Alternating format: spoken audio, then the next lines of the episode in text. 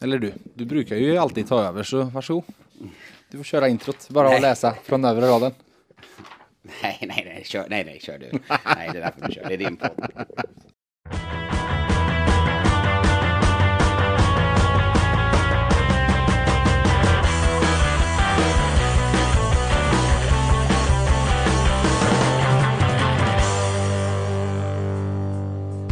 Fem, fyra, tre, två, ett.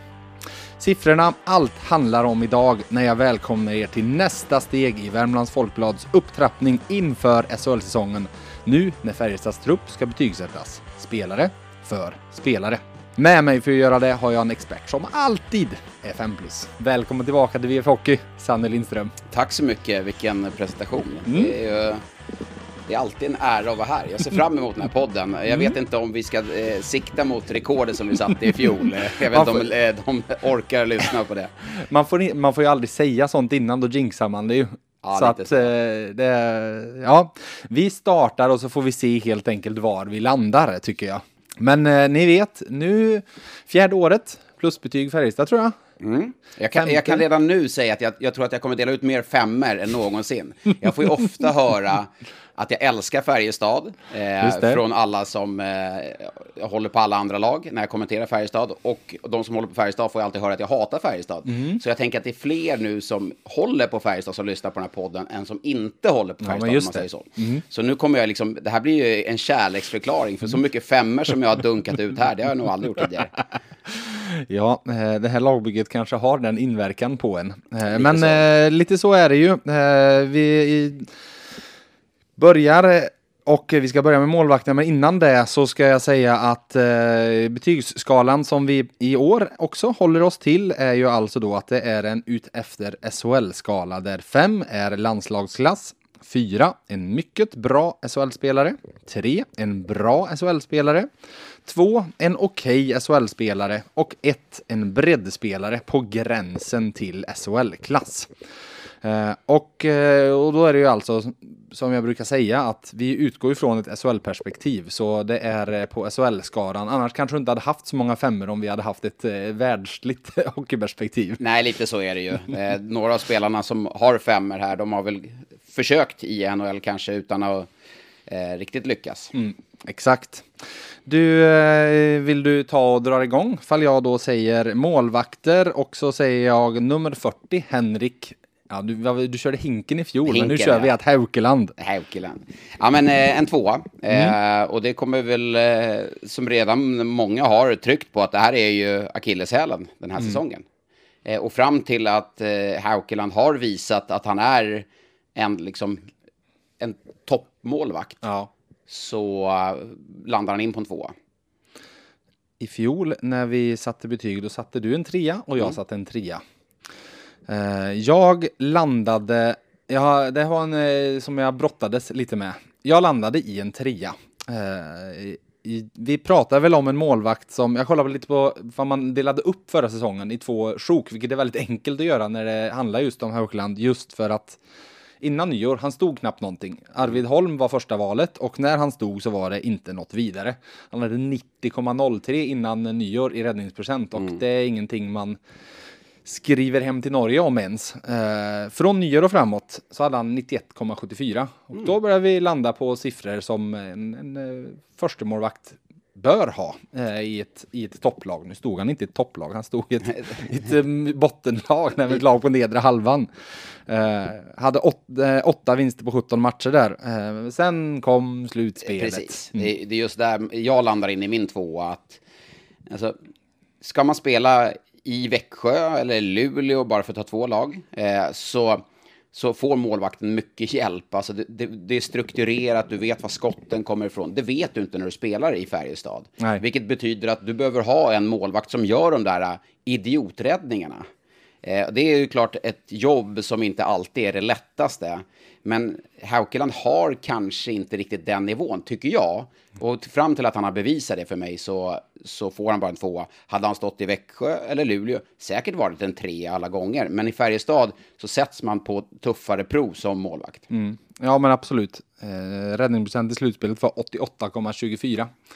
Och det kan vi väl säga är en räddningsprocent man inte vinner SM-guld med i alla fall. Nej, och det såg, det såg man ju där. De pressade ju ändå Växjö i, i två matcher. Eller Vi kan ju vara så krassa och säga att hade han spelat bra i Växjö så hade Färjestad kommit hem med definitivt en, kanske till och med två segrar. Ja, och, Och det då- var väl, när man summerar det så var väl, alltså visst Örebro pressade, det gick ju till fem matcher, men den serien var ju jättetråkig att se på. Mm. De här två första matcherna, framförallt Färjestad och Växjö, det var ju som att är det här Växjö som spelar? Mm. Eh, för Färjestad pressade dem, det blev en väldigt sevärd hockey, rolig matchbild fram och tillbaka, men eh, Växjö var ju eh, såklart bäst eh, när, när allting summerades, men det var, Färjestad pressade Växjö och fick ut Eh, konstigt nog, så att det blev roligt att se Växjö spela hockey, om du Sen, sen, sen kom Växjö hit och då la de på den här filten överallt och så Lite bara så. mm, dog det. Eh, det som ju är lite märkligt ska jag inte säga, men om man tittar på, på hans historia så var det ju liksom när, i snacket när han kom till Färjestad så var det ju det här är en målvakt som är bra när det avgörs. För det var ju det han hade varit i Sverige innan, i Leksand och Timrå och tagit upp de två, båda till SHL och varit riktigt bra i de avgörande matcherna. Ja, i lag som har slagit ur underläge. Ja. Eh, alltså, men Färjestad, även om de kom åtta, det var ju sällan de slog ur underläge. Som att vi går in och stänger en match nu, vi har allt Mm. att vinna. Eh, Det är ju annorlunda att stå i ett tilltänkt topplag som de ändå var i fjol, även om de slutade åtta. Mm, exakt. Ehm, jag har eh, sagt det några gånger och skrivit några gånger att eh, jag tycker det är lika, just mål, det enda man vet om målvakter är att man inte vet någonting om målvakter. Eh, Och att jag tycker det är typ lika sannolikt att Haukeland leder SHLs målvaktsliga i jul som att Färjestad har värvat en ny målvakt. Köper du mitt resonemang eller tycker du jag är väl eh, voodoo, voodooistisk om vad målvakteri handlar om? Ja, alltså det är ju en otacksam uppgift eh, målvakterna går in med den här säsongen. För när vi kommer liksom summera det här laget så kommer ju- det finns ju ingen som inte nämner målvakten som den svaga punkten. Det är ju Nej. samtidigt ett drömläge att visa att okej, ni har fel. Ja, exakt. Eh, men det är också ett läge där när man har satsat så mycket eh, pengar för att gå för det där guldet eh, så, så tror jag att om inte Haukeland eh, levererar på en toppnivå fram till jul så kommer det innan transferfönstret i februari, förmodligen någon gång i januari, kommer det komma en målvakt. Mm. Ja, eh, din poddkollega Johan Svensson var ju, han var ju helt övertygad i somras då när, eh, tror det var typ efter Delaros hade presenterats, att det här laget kommer ju värvas en ny målvakt till. Eh, nu kan vi väl vara så pass säkra på att det kommer inte komma någon ny målvakt nu i alla fall. Nej, det gör nej, nu. Eh, nu, kör går- man ju med det här. Eh, vad jag, när jag har lyssnat runt lite, jag skulle tro att som det har låtit på Färjestad så har de de har liksom tittat runt lite. Givetvis har de ju kollat med Adam Werner, men han vill ju vara kvar i Nordamerika och då försvann det spåret. Sen, eh, jag tror de har kollat runt lite. Eh, finns det något av de här fem plus namnen, liksom, då snackar vi, säg att Adam Reideborn inte hade velat stanna i KHL eller Lasse Johansson inte hade velat stanna i KHL. Då tror jag det hade funnits en vilja här att gå all in på något sånt namn. Men det, det namnet finns ju inte Nej, nu. men det, utan- det gör ju inte det. Nej. Eh, utan, men, eh, och jag kan på något sätt, alltså i det här läget med, nu har de redan, de köpte ut Jakob Nilsson och så vidare. Eh, pengarna tar ju slut någon gång. Gör de Och- det? Ja. Det verkar ha en sedelpress där. Ja, nej, men att jag kan på något sätt köpa att man då, eh, att man ger det här, eh, att man inleder så här och ger honom, eh, ger honom chansen. En sak som jag tycker ska bli spännande, för det var ju också en sak som var annorlunda för honom i fjol mot i Finland. Han stod ju, vad var det, 52 matcher eller någonting sista året i Finland. Mm. Nu kom han till ett läge där det byttes, byttes, byttes. Mm. Han var ju liksom han var ju andremålvakt stora delar av säsongen. Eh, Nej, vad det- tror du? För det är ändå, det var ju, vi sa ju i fjol, då satte vi att det var två givna trior. Eh, nu kommer vi, spoiler alert, vi kommer inte sätta tre på Färjestads andra målvakt. Utan det känns som att det är ju en mer, det var det- 1A, 1B i fjol, nu är det mer 1 och 2.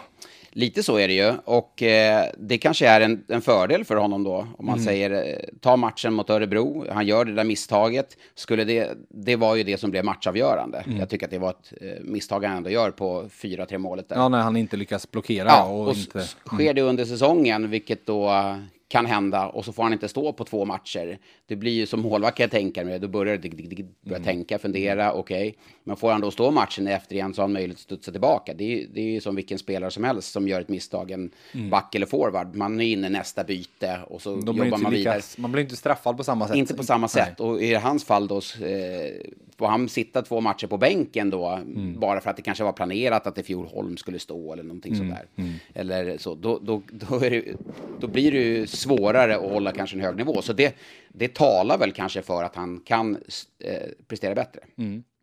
Mm. Nummer 60. Jesper Eliasson. Jag kan väl eh, börja i och med att jag redan har eh, hintat. Jag har satt en etta på Jesper Eliasson. Mm, jag också. Vi, vi, han har ju inte bevisat nej, någonting. Alltså, nej, och han nej, har inte fått möjligheten att bevisa. Det blev ju det blev ju knasigt för honom i fjol. Ska vi säga det? Något så in i bomben. Alltså de, Färjestads tanke var väl eh, den resan som Kalle Klang, Rögles målvaktslöfte, draftad av Pittsburgh, kommer bli grym. Eh, hade i, de, de hade ju honom under kontrakt, hade honom utlånad till Kristianstad, han fick stå hur mycket som helst med tanken att han skulle komma in i år och vara andra målvakt. De hade ju precis samma plan som Färjestad. Det, det sket sig ju, kan man säga.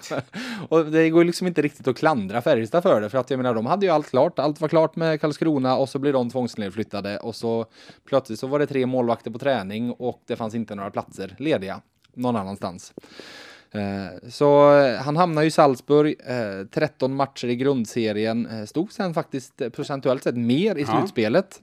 Och jag pratade med Masken mot slutet av säsongen och han hade ju stenkoll på honom. Såklart. Sett till att jag både sett i kontakt och han såg alla matcher hur han spelade och så här. Han var jätte jättenöjd med stegen han tog. Eh, och de har pratat en hel del om speci alltså, vilket speciellt år. Kom han ner som 20-åring till Salzburg? Ja, det var nedstängt i Österrike. Det fanns ingenting att göra. Eh, liksom sitta på, eh, i lägenheten mellan matcherna. Eh, Sånt där tror jag man kan växa av eh, när man har tagit sig det, igenom det. Eh, sen, han, eh, det var en, han hade faktiskt en tuff målvakt att konkurrera med, även fast jag inte vet vem JP Lamoureux är. Så Nej säger siffrorna att eh, sen 2011 så har han legat på typ 92-93 räddningsprocent i eh, alpligan där nere. Så att det, då förstår man ju att i den kontexten där nere så är det en riktigt toppmålvakt liksom. Men eh, det är svårt att sätta någon annat än etta. Ja, alltså... nej, han, har inte, han, har, del, han har inte fått chansen att visa någonting på den här nivån ännu. Och eh, ja, men han kommer in i ett bra läge som liksom, om Färjestad kommer värva en målvakt så det kommer det inte gå ut över honom. Nej. Då är det ju för att ettan inte har levererat, inte att tvåan inte har levererat. Förstår du vad jag mm. menar? Man kommer inte gå in och värva en tvåa, utan det här är en målvakt som man tror på på sikt, mm. som kommer kunna växa den här säsongen, kanske ta ytterligare steg nästa säsong. Så att jag, jag gillade ju den här värvningen när den skedde, eh, mm. precis tanken att han skulle ut i Hockeyallsvenskan kunna komma tillbaka till Färjestad under säsongen, få jobba med masken och så. Men nu blev det inte så, utan man fick ändå stå i slutspelet. Det är ändå, det är ändå en professionell, tuff liga, mm. österrikiska ligan. Mm. Och få stå då i Salzburg i slutspelet, det är ju en jättenyttig erfarenhet för en 20-åring. Mm. Ja, men absolut. Alltså det är inte, han stod ju inte i ett brunkargäng där nere, utan det är ju en av de större klubbarna det, i det här lagbygget, det känns ju som att vi, vi sitter inte på jättemånga spelare, eller Färjestad sitter inte på jättemånga spelare som man känner, ja men den här kanske kommer få sitt stora genombrott eh, i Nej. år.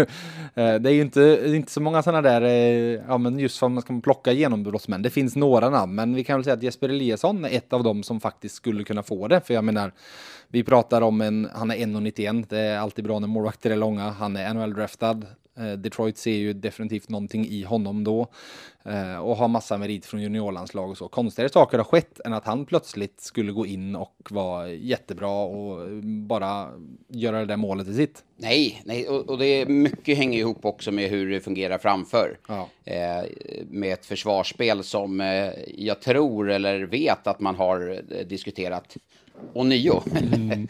Eftersom det har varit ett, ett, ett, problem. Mm. Men jag tror att man kanske kommer vara lite mer återhållsam i sitt pressspel vissa stunder för att vara kompaktare och, och, och så.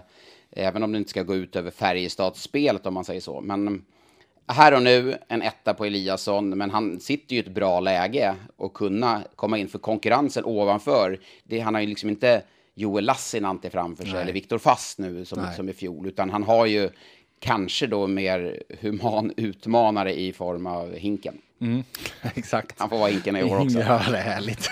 Du kör inte det i sändningen, det är lite besviken. nej, ja, nej, jag vet inte riktigt. Det är, det, det är opassande att göra det. Det är lite mer avslappnat och skönt i podden. Jag reagerade på det, jag tror det var, vad är det? Dan Pettersson i, uh, i Linköping som simon kommentatorn kallar för Danne, hela sändningen. Eh, det var någon försäsongsmatch tror jag, där han körde konstant Danne. Eh, det, nej, mm, Nej, jag kör, sam- akta dig för hinken, det kommer inte låta Nej, bra i det är tv. samma som med Dick Axelsson, att man, de sa eh, ofta Dicken om Ja, honom. just det. det är ju som att min kompis Dicken, Ja. men vi är ju faktiskt, i vår roll är vi inte kompisar med, Nej, på nej. det sättet. Du, innan vi går in på backarna, så du var inne på ett litet spår där som jag tänkte du skulle få hjälpa lyssnarna och ge en liten analys på. Färjestads återkommande försvarsproblem och framför allt hur man så fullkomligt eh, missade i det försöket man gjorde förra säsongen. För att det var ju det, den svaga säsongstarten, det är svårt att säga något annat än att den berodde på att de försökte göra någonting med försvarsspelet som de bara fullkomligt sköt, inte bara bredvid mål utan liksom bortanför hörnflaggan bredvid mål. Det var ju att man, man ville man insåg att vi släpper till för mycket farliga lägen i skottsektorn, så vi täpper till den. Det, Men- de slutar ju det. Eh, ja, Det fanns slutade- ingen men det var ju någon match mot. Oskarshamn där, jag minns jag satt och kollade, det kom puckar utifrån, det styrdes och det var ju så här, herregud vad passivt. Det är ju rätt trevligt att få mycket tid som anfallande spelare i offensiv zon och det fick ju lagen inledningsvis. Eh, men nu har man ju, man har ju en helt, jag tycker man har en backsida där man har liksom en skicklighet nu med, med, Mm. med pucken. Man kommer kunna spela sig ur situationer. Så jag tror att man kommer, måste vara aggressiva i ett tidigt skede i egen zon för att eh, minimera eh, motståndarnas tid. Mm. Det är det enda sättet att, att spela försvarsspel enligt mig idag. När man eh, kompakta kan man vara i mittzon, absolut, och, liksom fördröja tid. Men så fort de kliver in i anfallszon så måste det vara en signal att man ska gå jäkligt hårt för att minimera tid. För SHL, jag har stor respekt för farten och allting, men skicklighetsnivån har ju gått ner, alltså, med tanke på att det är många spelare som sticker ägg.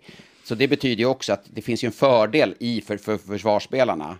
Just att om man sätter press i ett tidigt skede, ser vi på de bästa lagen, så gör man det väldigt. Se på finalspelet, till exempel Växjö gör ju det, eh, Rögle gör ju det, Skellefteå gör ju det. Alltså de, de är väldigt duktiga på den typen av spel. Så där tycker jag att det är Färjestad, där måste man verkligen utveckla.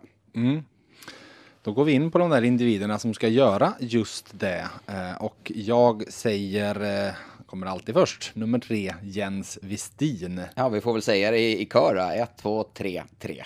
Två. Va? Vad håller du på med?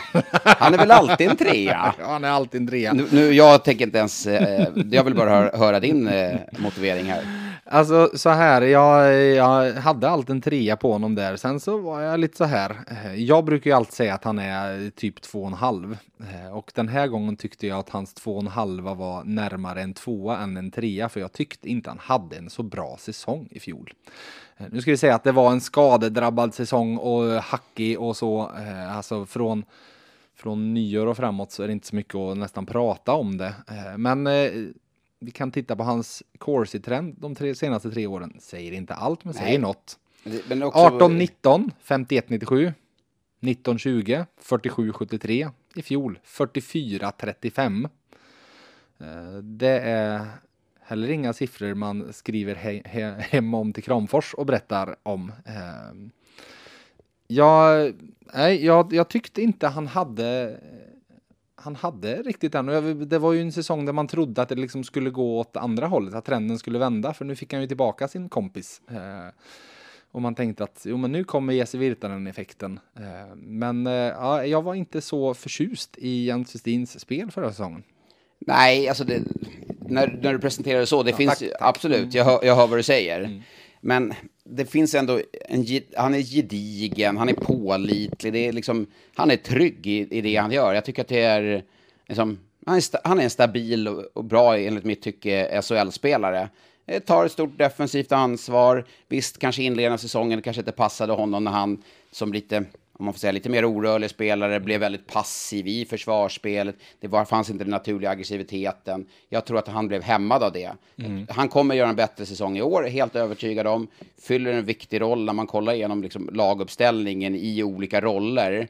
Så håller jag honom liksom som en stabil, fortsatt eh, bra defensiv back som kommer, eh, men när du har liksom tre tunga namn, om man får säga det, Albert, eh, Virtanen och och eh, Wikstrand så kommer han liksom där bakom med den här defensiva oömma rollen, täcka skott när det är två sekunder kvar. Är, han kommer vara ovärderlig på det sättet. Mm. Han kommer ju vara ett av de första namnen de skriver upp när de ska ha in, alltså en ledning ska försvaras på slutet. Ja, och, och, kanske kommer bli ännu viktigare år när, mm. när det liksom finns en kanske tydligare hierarki än vad det fanns i fjol när du hade liksom Blam som inte presterade och Måsik inledningsvis också som inte... Mm. Det kommer finnas en tydligare plats för honom att här är du nummer fem, du är nummer sex. Mm. Liksom, han kan men fungerar som en bra förebild både på och utanför isen. Kanske för en sån som Joel Nyström också. Ja, men absolut. Du, eh, jag pratade med Jens Tim förra veckan och då pratade vi om, han är ju just nu skadad, eller inte skadad, han är rehabbar efter att ha varit skadad och opererats här i sommar. Eh, då pratade vi om skadan. Eh, han sa, jag har haft den ett tag, en förslitningsskada som jag fick förra sommaren och hade hela vintern sen. Då kände jag att det lika bra att göra ett ingrepp istället för att ha ont en säsong till. Hur mm. är det som hockeyspelare att spela med en liten skada en hel säsong?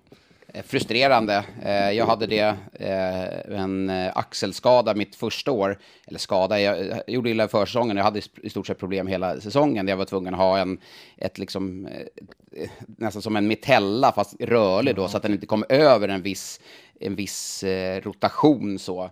Och det är klart att du, det var ingen ursäkt, men du, du, blir hämmad på ett sätt. Du måste anpassa ditt spel, du vänder dig i vissa situationer för att inte få en smäll. Och jag menar, oavsett vilken typ av skada det var för honom så är det klart att det, det påverkar eh, mm. när det är så enstaka matcher du får en sprut eller något finger, något, det, det, påverkar inte speciellt. Men när det är varje dag, du känner även på träningar och så, mm. det, det, är jobbigt och mentalt också. Så att det är klart att en sån sak kan påverka. Han sa själv att eh, han är ju inte riktigt den som klagar, så kan vi säga. Utan han sa, nej men i match tycker jag inte det påverkar mig så mycket. Nej. Men jag kunde ju inte, han, han förklarade att han kunde inte hoppa eh, i träning och kunde inte springa ordentligt så här. Nej, och då tappar, att... då tappar du det där lite, alltså den här um träningen, du får den här explosiviteten, kanske sådana mm. stopp och start på is, alltså hoppa den här spänsten utanför, du tappar det, du börjar tänka, du börjar fundera, det, kanske inte, det känns inte naturligt på samma sätt. Så att, får han komma tillbaka nu och vara frisk så, så ska vi nog sitta med ett år och då ska du upp han till en trea. Ja, men det är det jag, det är det jag förutspår när jag tittar i kristallkulan inför nästa år, eller inför säsongen som kommer.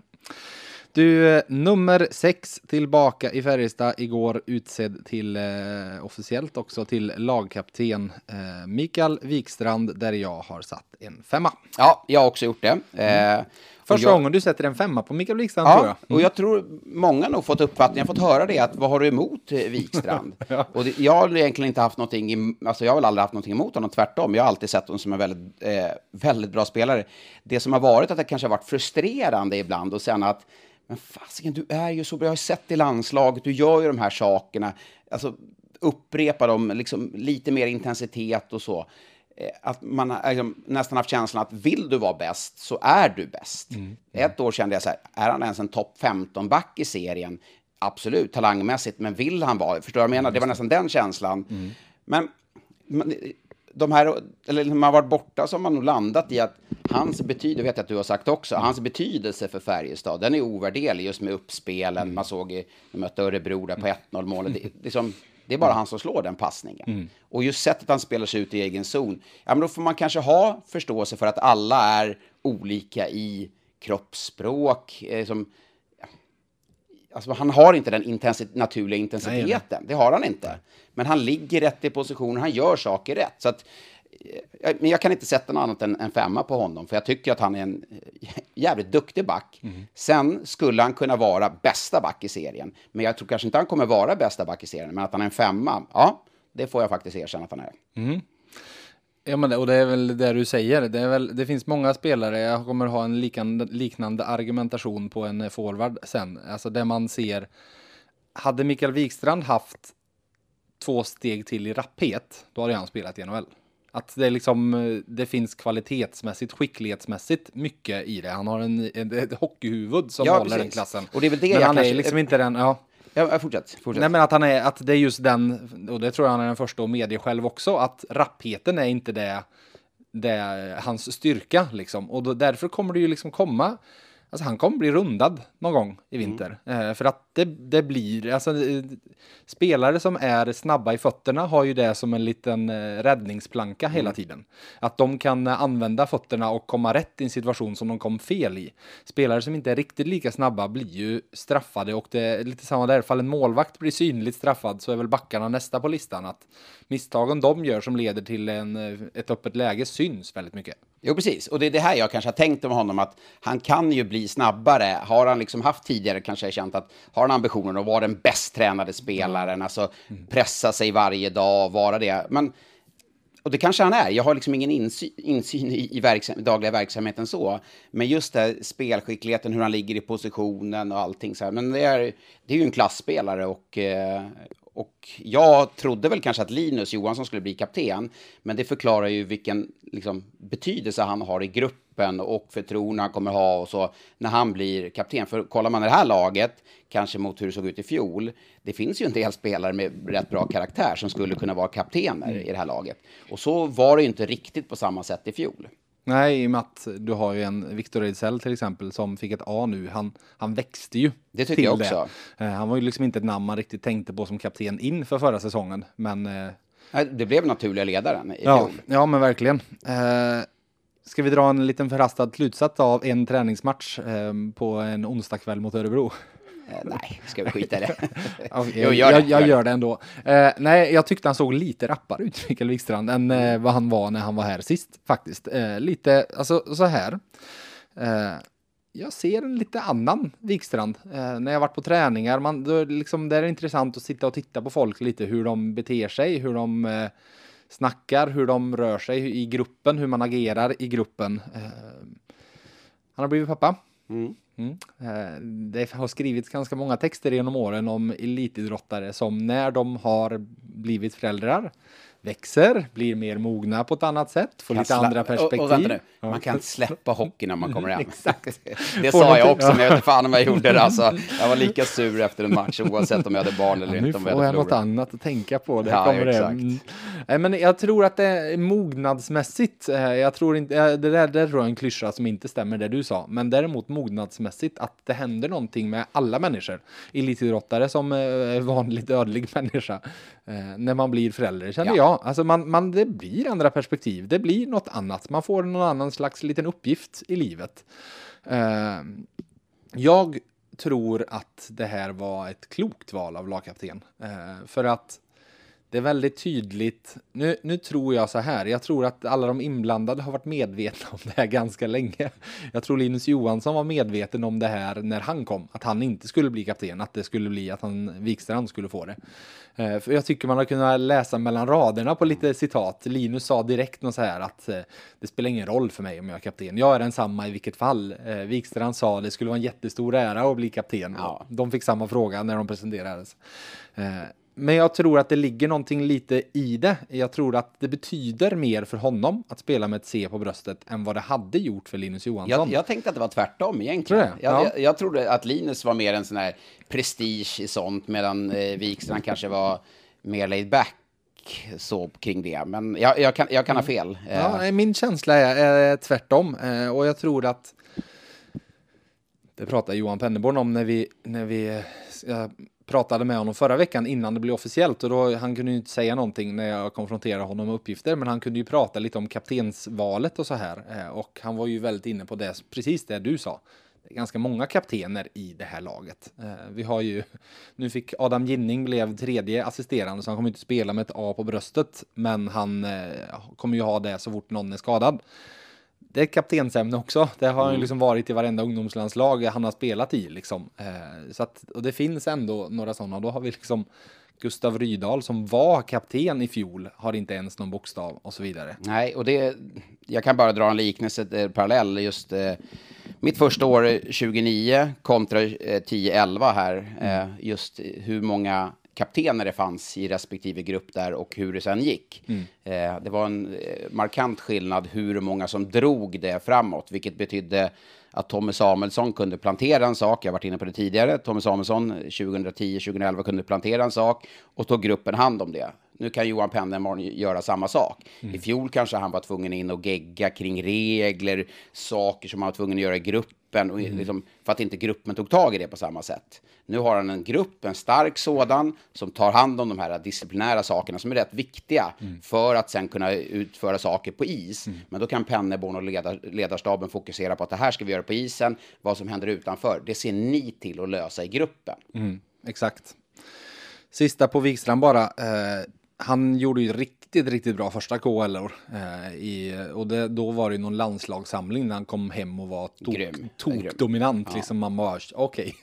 Det var lite... Men det var ett speciellt år i fjol. Ja, men nu det Alltså, var det. Och han, han, så han, har- jag, han Mentalt kanske ju bestämt sig för att flytta hem. Ja, men det, och och liksom, han, han åkte i juli, familjen kom i november, tror jag det var. Eh, och när de kom, det pratade jag om när, eh, efteråt, eh, han, deras son där, Liam, hur han var sjuk och det var massa ryska sjukhus och förstår inte vad de säger och så vidare. Och som du säger, han, det, ju mer det pratas desto, desto tydligare blir det att han bestämde sig väldigt tidigt för att flytta hem till Färjestad. Så att det är klart sånt också påverkar. Ja, nej, men det, jag, jag, jag ser inte den säsongen i fjol som någon sån här problem Nej. den här säsongen, utan jag, eh, klass rakt igenom och Mm. det var väl min kärleksförklaring till Wikstrand då efter att eh, om, jag tror inte han har brytt sig kanske nämnvärt vad han skiter i vad jag säger, men jag, jag har reagerat på att andra folk har eh, så eh, sagt och på Twitter, folk som har liksom eh, gjort mig uppmärksam på att jag har någonting emot honom, men det vill jag bestämt ta avstånd från Mm. och det får väl den här femman eh, signalera om, om inte annat. Fint! Du, Ja, det är det som är fint med VF-podden, man kan liksom försonas. Ja, precis. Man, alla lämnar som vänner när de går, läm, lämnar avsnittet. Eh, Du, hans eh, backpartner då, som vi eh, går på, nummer 26, Joel Nyström. Vad har du satt för betyg? Två, Mm, jag också. ja, två, gränsen, etta, tvåa där, alltså en svag tvåa. Eh, jo, alltså, Mm. I fjol sa du, jag ska inte hålla på med svaga och starka. Nej, jag vet, jag vet, men det, det är nytt år, nya Ja, möjligheter. ja. Det, man ska aldrig, aldrig gå tillbaka och liksom lyssna på vad man har sagt tidigare, för då, då snurrar man in sig själv. Mm. Eh, det jag vill säga med Nyström, vilken spännande spelare. Eh, jättehärlig. Eh, svag, du skrev väl det, tror jag, en krönika efter matchen där, att Mm. kommer ju ha sina problem defensivt, men visade ju med, spelet med puck, han höll ju i pucken. mot Såg du den i offensiv zon där? Ja, jätte- det var jätteläckert, riktigt, liksom. riktigt läcker. Han lurar tre personer. Och det här är ju det är en, det är en eh, spännande spelare, men det blir också när det kommer upp här egna talanger i, i alla klubbar så blir det alla går liksom bananas. Att, Åh, oj, oj, oj, vad roligt. Och det är jätteroligt. Det är liksom det som föder mycket av intresset att grannens grabb kommer upp. Så det är, jag älskar ju det och kul för Färjestad och liksom juniororganisationen som kanske inte haft jättestora framgångar om man tänker de senaste åren. Då, Nej. men att få upp den här typen av spelare. Men med det sagt så får man också vara lite försiktig att det är ju ingen färdig SHL-spelare. Alltså det är ju en, det är en ung spelare som kommer gå på sina miner, kommer behöva lära sig. Men visst, han har en uppsida offensivt. Ja, han, eh, ska vi vara riktigt krassa, så var det ju han som eh, tappade puck när Växjö avgjorde i den fjärde kvartsfinalen. Han fick en liten, han tyckte väl själv att han kanske kunde ha fått en utvisning med sig, men nej, men det, är- det är ju precis som du säger. Eh, han kommer ju från eh, en liten eh, gyllene generation i Färjestad som ju vann U16 SM-guld och sen eh, många i det laget var sen med och tog U J18 silver. Eh, så, men det var en trupp som var bra, alltså, men det var många som... Ganska märkligt, det var många som försvann där. Det Jättemånga, tratten jättebra. upp till, till hockeygym blev ju väldigt tajt för ett lag som då precis hade vunnit SM-guld. Det var ju många spelare som liksom försvann därifrån. Och det är inte många kvar i klubben. Nu Nej, det är när inte eh, tvillingarna Löv har lämnat. För Ja. de var ju, Linus Löv vann ju poängligan i det slutspelet. Eh, Så när de inte är kvar så är det, det är typ Joel Nyström och Alfred Bergman eh, som är de som, ja, det finns några till, men det är inte jättemånga kvar från det där laget. Så Nej, men eh, jag säga så, Johan Nyström sitter i en jättefin position. Som en ung spelare kommer kunna aspirera på en JVM-plats. Kommer också få... där har jag redan ritat in honom. Han är klar. Ja. Han är klar. Ja, men då, då är han redan klar för JVM då, grattis. Men eh, kommer du kunna få, få spela A-laget, kommer komma ner i J20. Det finns också en bra mentor tror jag i form av Tollefsen som är tillbaka, som en, liksom en bra, bra människa rakt igenom.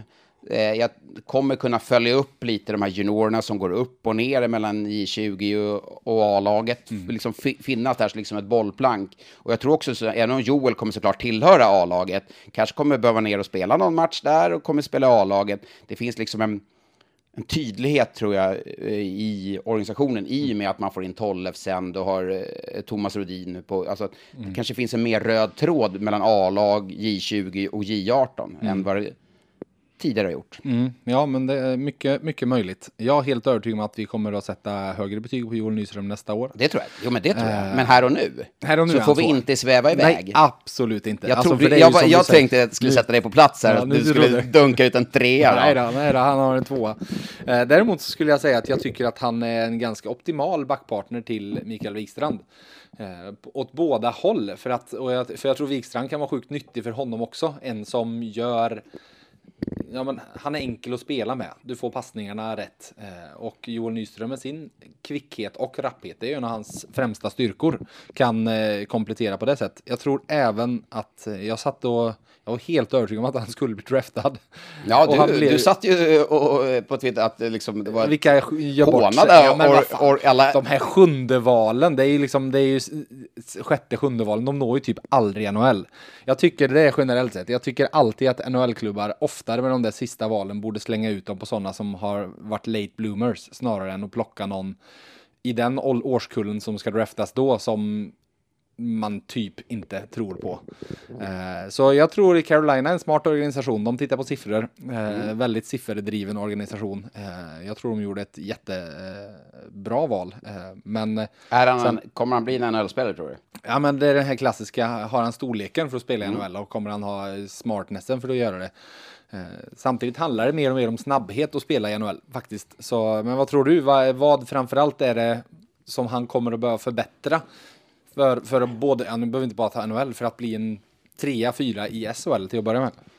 Alltså, jag ju, har ju svängt lite i de här, eh, tid, som mot vad jag kanske eh, tyckte tidigare. Då var det ofta att man var tvungen att vara bra på allting. Mm. Alltså, eh, jag tycker att han ska utveckla offensiven. Mm. Det är ju, han är, styrka är ju offensiva spelet egentligen, hålla i pucken. Men han, han, blir ännu bättre på det. Istället för att man pratar om spelare så här, ja du måste utveckla defensiven, så blir man en en jämn bra spelare. Och då håller man ju såklart en, en bra nivå i SHL. Men ska man, liksom, ska man bli en topp 2-back så måste du, vara, måste du sticka ut. Ska du till NHL, då måste du sticka ut någonstans. Ja, så jag tycker han ska fortsätta utveckla sin offensiv. De ska nästan en, trycka ännu mer och jobba hårdare med det.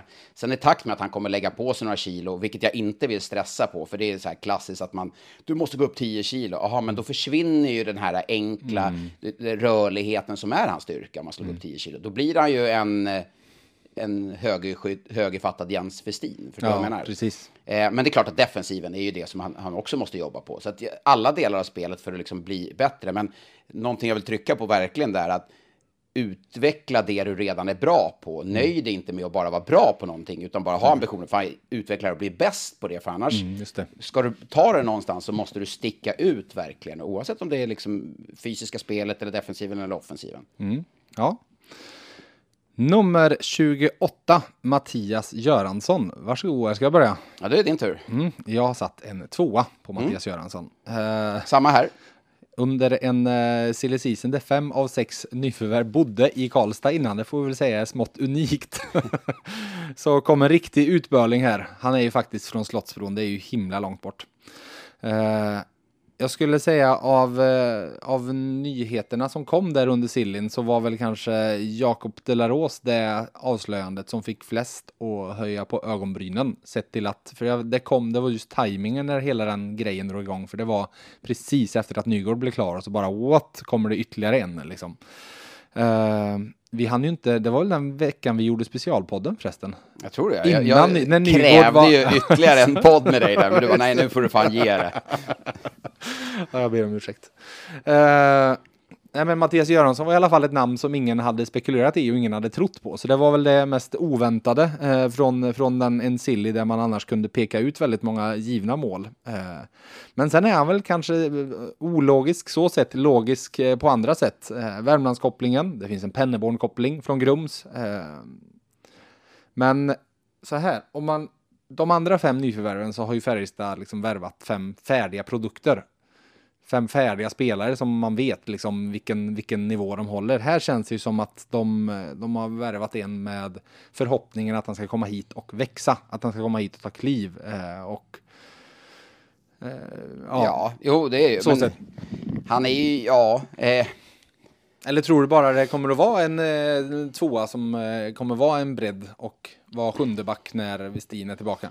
Alltså, han har inte gett mig någon anledning under två säsonger i Leksand och, eh, och eh, tro att han helt plötsligt ska ta det här först, stora klivet. Jag tyckte han hade en bättre första säsong än andra säsong. Sen är det klart de bytte tränare, fick en helt annan... Han också en rejäl skada eh, under förra säsongen. Ja. En, ja. Han var borta ett tag där. Absolut, men ja, det är ju frågan alltså.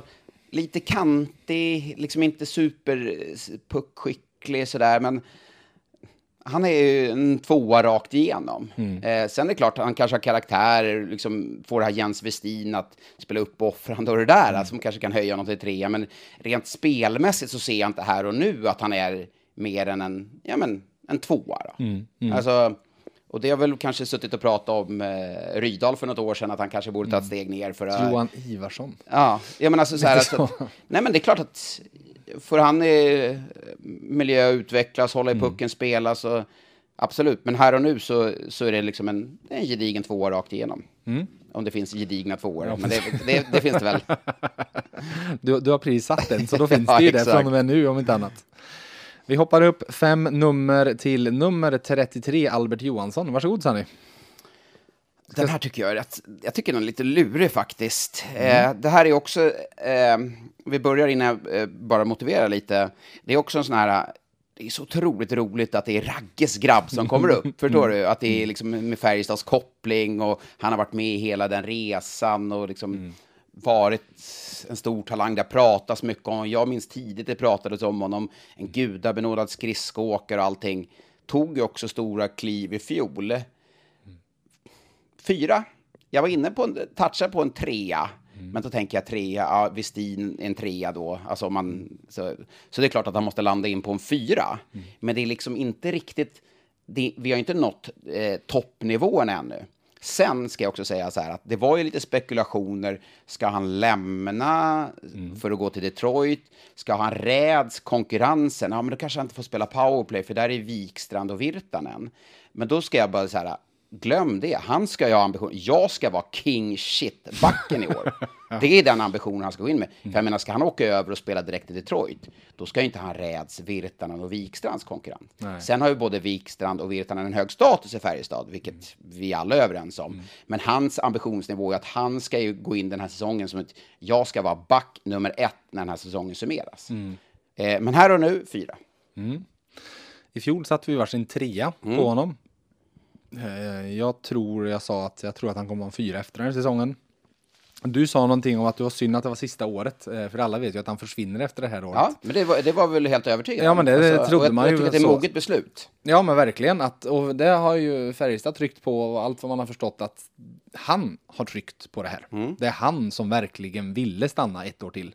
Mm. Eh, och det tycker jag också är otroligt klokt. Jag tror han kanske fick en liten ögonöppnare i slutspelet. Lite så var det Utan Virtanen när han blev måltavlan för Växjö mm. och blev ganska för det var ju exponerad. Tydligt, så det var tydligt att Växjö var... Eh, det är De Albert förstod. Johansson vi ska gå på. Det, det, var, man såg det redan i match ett, där jag tror det var Martin Lundberg mm. som, som tryckte på han. Och Just det, det, det den han fick matchstraff Ja, precis. Och ja. det följdes liksom under hela den matchen. Jag kommer jag kommenterade match två. Det var, de, var, de var ute efter honom. Mm. Gåns och de här liksom, som är lite slutspelsspelare, eller var slutspelsspelare i Växjö. Så att, mm. som du säger, lite ögonöppnare där.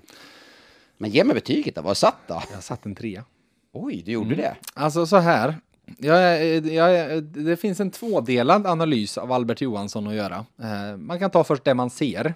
Mm. Eh, och det är den skridskoåkningen du pratar om, det är lugnet. Eh, som, alltså jag vet inte ifall nu återigen ska hamna på dina simor kollegor Det är ganska ofta man, eh, speciellt Patrik Westberg, älskar Albert Johansson. Eh, han sticker ju ut. Ja, men han gör ju det, han syns. Eh, och, och det där lugnet han har syns ju också, att ingenting verkar eh, bero honom liksom. Eh, och han gjorde åtta mål på 44 matcher, det är, det är jättebra bra. som en 19-årig back mm. liksom. Det är inte många, alltså titta historiskt hur många 19-åriga backar som har gjort det. Det är inte många namn vi hittar på den listan. Eh, sen så finns det en liten titt eh, på siffror och på lite eh, djupare siffror och den är inte till Albert Johanssons fördel. den visar på en alltså han, han, på, på, siffror jag fått se där man sammanställer alla delar i spelet. Mm. Han ligger så lågt i SHL så att det är helt otroligt. Och man blir liksom, eh, men hur kan det här stämma? Det här är ju fel liksom. Eh, analysen verkar vara att han har väldigt liten inverkan statistiskt sett på de han spelar med. Att eh, de han spelar Att med han blir är- inte bättre av att spela med honom än att spela med Jens Westin. Eh, blir, och, och så vidare. Att, eh, att det är där det faller. Eh, och det är Alltså det handlar ju så mycket för honom om att få ihop hela paketet på något sätt. Eh, han hade ju liksom en eh, ovana mot slutet av förra säsongen där han väldigt ofta tappade pucken. Alltså missade mottagningen. Växjö gjorde några mål i slutspelet och det var någon i slutet på grundserien också där liksom han fick pucken total missa mottagningen. De gjorde, ja, sådana här liksom ja, riktiga juniormisstag om man säger så. Sånt man måste tvätta bort när man spelar i SHL och eh, speciellt i den rollen han hade då som kanske var en lite för stor kostym eh, för honom just då. Eh, Alltså, och sen så har man den andra delen där vi pratar ändå liksom om en back som kom med i svenska VM-truppen, om än kanske på nästan en utbildningsplats eh, i en stor coronatrupp där man Abs- var tvungen att ha folk med. Eh, men ändå, alltså, han, han var där och han kommer spela med Tre Kronor och kommer fri och gör världens läckraste dragning och sätter den och så vidare. Eh, och det är ju inte svårt att klippa ihop ett highlight-paket på honom från vilken match man än spelar, för han kommer alltid göra något läckert, göra någon snygg uppåkning och så vidare. Men det handlar väl om att den, de där grejerna han gör lite oftare, jag skulle väl tro att den statistiska analysen landar i det, att det handlar om att det han gör måste lite oftare faktiskt få positiv inverkan på riktigt. Det ska inte bara se snyggt ut, det ska inte bara se bra ut, det ska vara- bra också. Jo, men det är absolut. Jag, jag hör definitivt vad du säger, men det är också mycket för mig en mognadsfråga att kunna värdera lägen. När ska jag hålla i pucken? När ska jag leverera den snabbt? När ska jag följa med? Så. Och det är samma sak som mot Örebro där det var ju direkt på tekningssituation. Det blev två mot ett läge som Örebro fick Färjestad andra perioden hade tekning. Värdera, ska jag gå fram nu? Ska jag backa av? Det där är en mognadsgrej och hitta ett lugn i sitt spel också.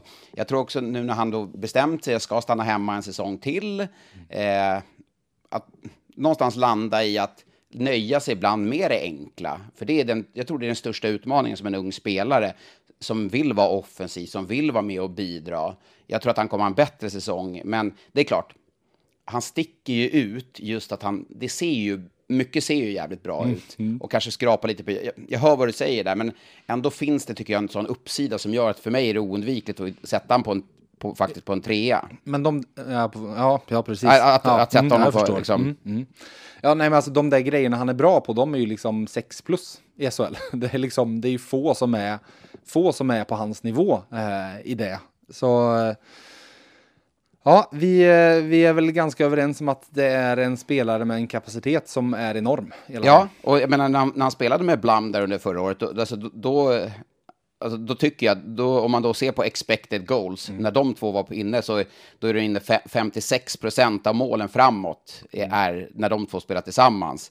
Men kollar man då när han spelade till exempel med Måsek, eh, eller förlåt, med Niklas Lundgren eh, de minuterna, eller Sebastian Eriksson, då hade man kanske en mer negativ så. Men Lundgren var det väl i slutspelet tror jag. Då Ja, ja, men man ser- särade de ju på han och Blam för att det var tvungen att vara någon som kan passa pucken också i varje backpar när Ja, vintarna ja var precis. Men, men alltså, får han hitta liksom ett lugn med en backpartner, stabilitet, så, så tror jag han kommer kunna göra en väldigt bra säsong i år. Och, eh, nej, men jag, jag, jag, jag tror på Albert och eh, lite säger emot mig själv där, som jag sa mot Nyström, att man blir att kanske så här hög för att det är en ung egen talang som kommer upp. Jag vet att många, liksom, det är det som föder någonstans intresset, men han har ju en, liksom en X-faktor i sitt spel som jag tror han kommer kunna utnyttja den här säsongen. Och han har en X-faktor i sitt eh, värde i det här lagbygget för att Färjestad fick in honom i ett läge. Alltså han ligger på typ, han kommer få en massa bonusar så han kommer landa typ på en 50-60 000 i månaden med dem inräknade. Men eh, likväl så är det ju en sjukt billig spelare för eh, klassen han håller, vilket var viktigt för dem i det här lagbygget. Ja, och bara trycka på det igen. Han ska liksom inte räds konkurrensen från någon av de här andra backarna, utan han ska gå ut och liksom ha den pondusen och bara jag är kung. Förstår du vad jag menar? Alltså, missförstår du rätt? Sen ska du vara ödmjuk i lagbygget, bla bla bla, allt det där, såklart. Men alltså han ska inte räds konkurrensen av de andra spelarna, för hans nästa destination ska ju vara Detroit. Och då kommer det komma tuffare konkurrens än Färjestads backar. Mm, exakt. Sista backen ut för att eh, det är, vi behöver inte ha mer än sju backar i det här lagbygget i år faktiskt. Det är en lite tunnare trupp. Eh, nummer 37, Adam Ginning. Varsågod. Jag växte ut till en trea. Jag tyckte han var väldigt bra i slutet och skedet av säsongen. Eh, slutspelet, bra. Eh, tycker han tog ansvar, liksom väldigt valpig i början, men växte mer och mer, tog ett stort ansvar, kände också att det här pondusen, det, det, liksom, det var en inbyggd pondus. Jag tror han var väldigt liksom, färgad eh, av de här åren i Linköping när det hade gått sämre och sämre och ja. unga andra backar som hade gått förbi honom och var utlånade. Alltså, det, det, det, jag tror det tog ganska lång tid för honom att återhämta sig, men under året så tyckte han utvecklades bra faktiskt. Visst, han är inte den mest spelskickliga backen, eh, men han har en tuffhet, naturlig tuffhet. Jag tycker inte att han be behöver jaga tacklingar. Det är inte tuffheten i hans spel för mig. Han ska vara ännu tuffare framför eget mål och vara så här, nej, nu är Ginning in, aj, då vill inte jag åka där. Mm. Han ska skaffa sig den pondusen. Jag tror han är mogen att göra det i år. Mm. Jag har satt en trea, men jag ska säga att jag eh, höll på och eh, vandrade mellan två till tre. Uh, I fjol satte jag en etta och du satte en tvåa. Mm. Så att du gillar Adam Winning lite. Ja, det är min förkärlek för defensiva backar. Uh, ja, lite det du var inne på. Jag känner lite samma sak. Att jag tror att förra säsongen på något sätt la en lite ny grund i hans hockeykarriär uh, som behövde läggas för att det känns som att det var lite det fanns ingen riktig grund där. Som du säger, han, han kom med självbild som var naggad i kanten från lin, sista Linköpingsåret. Inte underskattas att han eh, vann ganska många supportrars hjärt hjärtan eh, här. Det finns ju den här bilden som brukar figurera från eh, Strömstad när han står och han spelar inte en av matcherna där nere och står och jublar och bankar i sargen och sånt här. Men var inte det någon, någon grundseriematch här ganska tidigt också? Han när var... han jublade som tusan ja, efter matchen och han hade haft sju sekunders istid i ja. matchen och han åkte runt och viftade mot läktaren och höll på. Och, och sen, dessutom mål. när han gör mål. Ja, när han gör mål och, ja. och, och, och precis den gladaste målskytten. Mm. Sen hade är han ju... den gladaste målskytten efter, efter sen, sen min tid där? sen ditt jubel. ja, det kan nej, vara så. Nej, men det, han har en sån smittsam energi på något sätt just mm. som jag tror supporterna har eh, liksom omfamnat. Mm. Eh. Och så var det ju i fjol också att han hamnar ju i, eh, alltså jämförelse med Jonathan Blam som också var petad i början mm. på säsongen. Ja, och gick ut och gjorde precis raka motsatsen ja. och började snacka om jag måste få mitt nästa kontrakt och grejer. Ja, jag måste mat på bordet. Ja, herregud. och alltså då var det en Adam Ginning som knöt näven, han tränade. Det är svårt, eh, åk, åk ut till Löfbergs Arena och fråga någon där om Adam Ginning och det, du får inom fem sekunder höra, han är först här varje dag. Mm. Han sitter på cykeln först varje dag. Mm. Men jag tycker, alltså, fan du ska inte underskatta sådana nej, saker, just signalvärdet. Eh, jag menar, han, han är 21 år eh, och vi vet inte vad hans karriär tar vägen, huruvida han väljer att åka över eller blir kvar i mm. Färjestad. Men det är ju liksom en förhållandevis billig spelare kan jag tänka mig, som skulle kunna utveckla rätt fin takt här. Mm. Och åker han inte över får behålla ytterligare några säsonger eh, och göra det väldigt bra och kunna bli liksom en spelare som, ja, men, som fansen någonstans förknippar med det här om man klyschiga, stort hjärta, hårda mm. arbete som ja, Heart of Hockey, du vet det där skiten som många har. Men det är ändå som någonstans som Färjestad har. Stort hjärta. stort hjärta, hårt arbete. Alltså, ja. de har ju liksom präntat in det under, under många års tid. Men han personifierar det ändå. Ja, men verkligen. Eh, och du var inne på, eh, det var intressant, eh, jag, när jag lyssnade igenom fjolårets podd, du drog ett ekonomiskt eh, resonemang angående... Det brukar ju vara jag som alltid ska tjata ja. ekonomi och NHL-pengar. Men då körde du en att ja, det var en win-win situation. Att ändra så kommer han gå jättebra och så blir han kvar. Och då, eller så kommer han gå dåligt och då kommer Philadelphia signa honom för mm. då vill de ha över honom och sätta honom i AHL istället. Ja. Eh, nu blev det ju det absolut bästa scenariot för att de måste, var ju inte tvungna att signa Nej. honom i år. Nästa sommar måste de signa honom. Och då får ju i så fall hälften av NHL-pengarna. två så, års NHL-pengar. Så jag menar han är ju i princip, även fast nu har han inte rookie-kontrakt längre så att nu har han väl säkert kanske gått upp till en grundlön på en 60-70 tusen så är det ju fortfarande en spelare som i princip spelar gratis för Färjestad för att det är ju en halv miljon 600 000 in som de kommer få för att jag har svårt att tro, jag tror det är andra rundan han draftades ja, ja. i. Och de ser ju ändå att ha haft en bra utveckling. Ja, och då kommer alltså. de vilja signa honom. Sen eh, kommer han kanske bli kvar här. Det kan ju bli signad och utlånad mm. ett år. Eh, jag, jag, skulle också tro att Alltså det är inte så ovanligt i NHL att man har börjat sett att backar tar sin tid. Alltså titta på Victor Hedman och hans första år i NHL. Det var inte, han kom inte in och var Norris Trophy-spelare direkt. Rasmus Dahlin har också liksom fått kämpa på, om än i ett värdelöst Buffalo. Så eh, nej, men jag tror att det kan eh, nog börja bli en syn där borta på att eh, men backarna kanske man ska tänka på att vi draftar dem när de är 18, men vi kanske inte räknar med dem förrän de är 24. 25. Nej. Att det är då det, deras... Eh, Och det, det, är en, det är ju liksom en utveckling som, det tar ju olika för alla spelare, att en del är färdiga och det är, skulle du fråga Mikael Wikstrand nu, vad kände du när du åkte över till Ottawa? Nej, jag skulle nog ha, ha stannat två år till. Alltså förstår du, innan jag åkte över för att känna mig. Och det är kanske så med Adam Ginning, han kanske behöver ett eller två år till för att ta vägen kanske via farmaligan eller någonting, utan få, få växa i lugn och ro. Men i det här laget, som man ser här, så är han ju ändå inne på sex backar. Det eh, vill jag ge honom. Det kommer få ganska viktig, även alltså lite alla alla Jens Westin, att han kommer få en ganska viktig defensiv roll. Han kommer ju spela mycket i boxplay. Ja, och, det, och framförallt då att menar, de, det signalvärdet du skickar till honom, du ger honom ett A. Alltså att han är liksom en, en av kaptenerna. Han är då i, i spelarrådet, vilket betyder att man är en betydande del när tränarna kallar till spelarrådet för att fråga hur ska vi göra i de här situationerna? Precis. Det här har hänt, vad gör vi då? Hur hanterar vi de här situationerna? Då är han en del av det, vilket betyder att han är en del av, av kärntruppen. Mm, exakt. Vad, alltså han, det är lätt att se att han har storleken och han är ändå hyfsat rörlig för att vara alltså skridskoåkningsmässigt. Eh, framförallt när han får upp farten, kanske inte den snabbaste i de första två metrarna.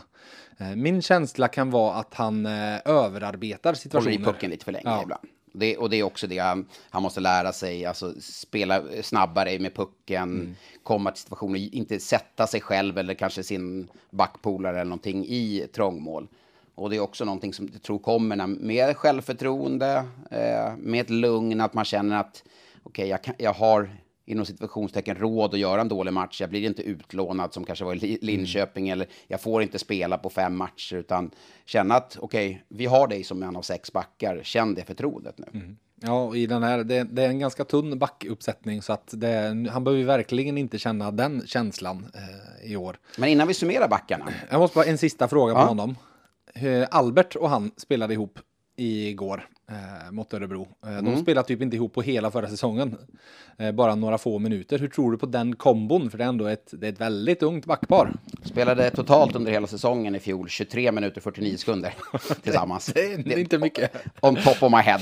Ja, det är I spelet det. eh, Ja. med lika antal styrka ska vi säga. alltså, Sanny drar allt sånt här rakt ur huvudet. Det är häftigt alltså. Ja. Jag har ju för, förmånen att kunna sitta med de här programmen som, som är väldigt intressanta. Jag ser det bara vattnas i din mun jag liksom Kan jag? Jag tittar över. Eh, ja, eh, det skulle ju absolut eh, så. Eh, då skulle jag vilja... Ginning är så, han kan ju ge sig ut på lite utflykter med pucken så som vi pratade om, hålla i den så. Det är ju Albert som ska göra det då i en större utsträckning eh, än kanske Ginning och att han får mer de defensivt ansvar i den. Eh, men ja, hittar de en kemi på utanför isen, varför inte? Vi kan ju säga att de är ju inte det backparet som kommer få tuffast minuter i matchning. Eh, sett till vilka de eh, sätts in mot på hemmaplan. Utan snarare lättast kommer det ju. Ja, men det beror på hur, ja, jo, det, så, så, kanske, så kan det vara. Men sen kan det vara att man spelar på sju backar, man väljer att sätta in Ginning eh, och Westin kanske, eller du vet i ett, Mm. i ett defensivt eh, tek, eller du vet något eh, offensivt, kanske Albert går in med Wikstrand, eller du vet så. Så att Mm. de kommer väl snurra runt lite där. Ja, Wikstrand och Virtanen var på isen förvånansvärt många gånger samtidigt igår faktiskt. Eh, mot vad de brukar vara. Eh, så ja, vi får se. Vad var det din sista där då, när jag ska sluta köta? Eh, men om vi summerar de här sju backarna då. Mm. Eh, är det de här sju backarna man kommer spela slutspel med? Nej. Eller, du tror att man kommer värva en back? Helt övertygad. Ja, jag, för jag, Alltså så här. Eh, ja, börja du. Nej, men det är alltså... För det betyder de här sju backarna, då ska alltså Göransson, Nyström vara på, på sex då. Mm. Eh, och alltså, Ginning ska ju vara också på sex då. Två då. av de tre ska ju vara på sex backar är det ju. Ja, Ja. Så att, eh, eh, ja. Om vi då tänker att Jens Westin kommer tillbaka och är, är en av sex. Nej men alltså så här, eh, jag är helt övertygad om att det kommer värvas en back under säsongen bara för att det, någon kommer bli skadad. Ja, Alltså Jens Westin till exempel är ganska skadebenägen sett till att han eh, täcker puckar och så vidare. Ehm, så att och då är det ju, alltså det är väldigt få säsonger som man går in eh, i med sju backar. Titta över de andra SHL-lagen så har de flesta åtta seniorbackar i truppen.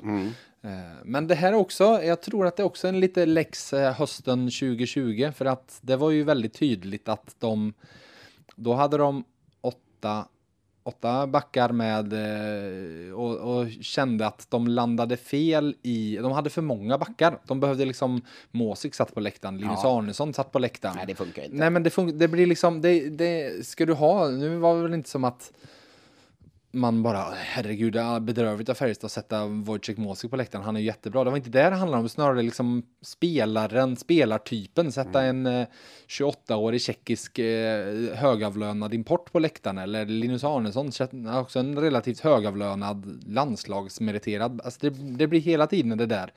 Det fanns liksom inte riktigt plats för alla. Eh, Och det, de sa ju det, att det var ett problem som de fick i fjol var att de hade byggt ett lag för att de skulle spela CHL.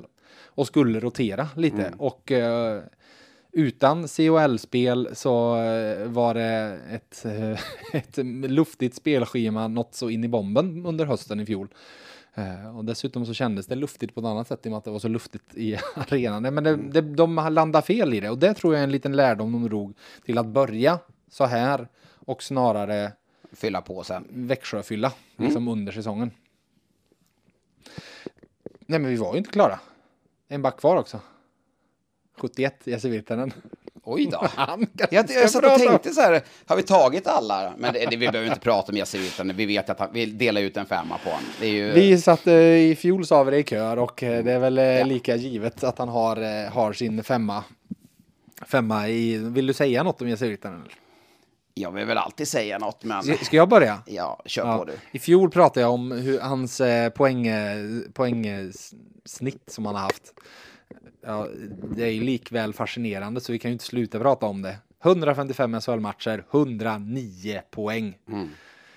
Alltså det vi, heter du inte Ryan Lesh så kan du vara nöjd med det snittet om du är forward i SHL. Eh, i, I princip allihop. Eh, vi kan sätta det i ett annat perspektiv.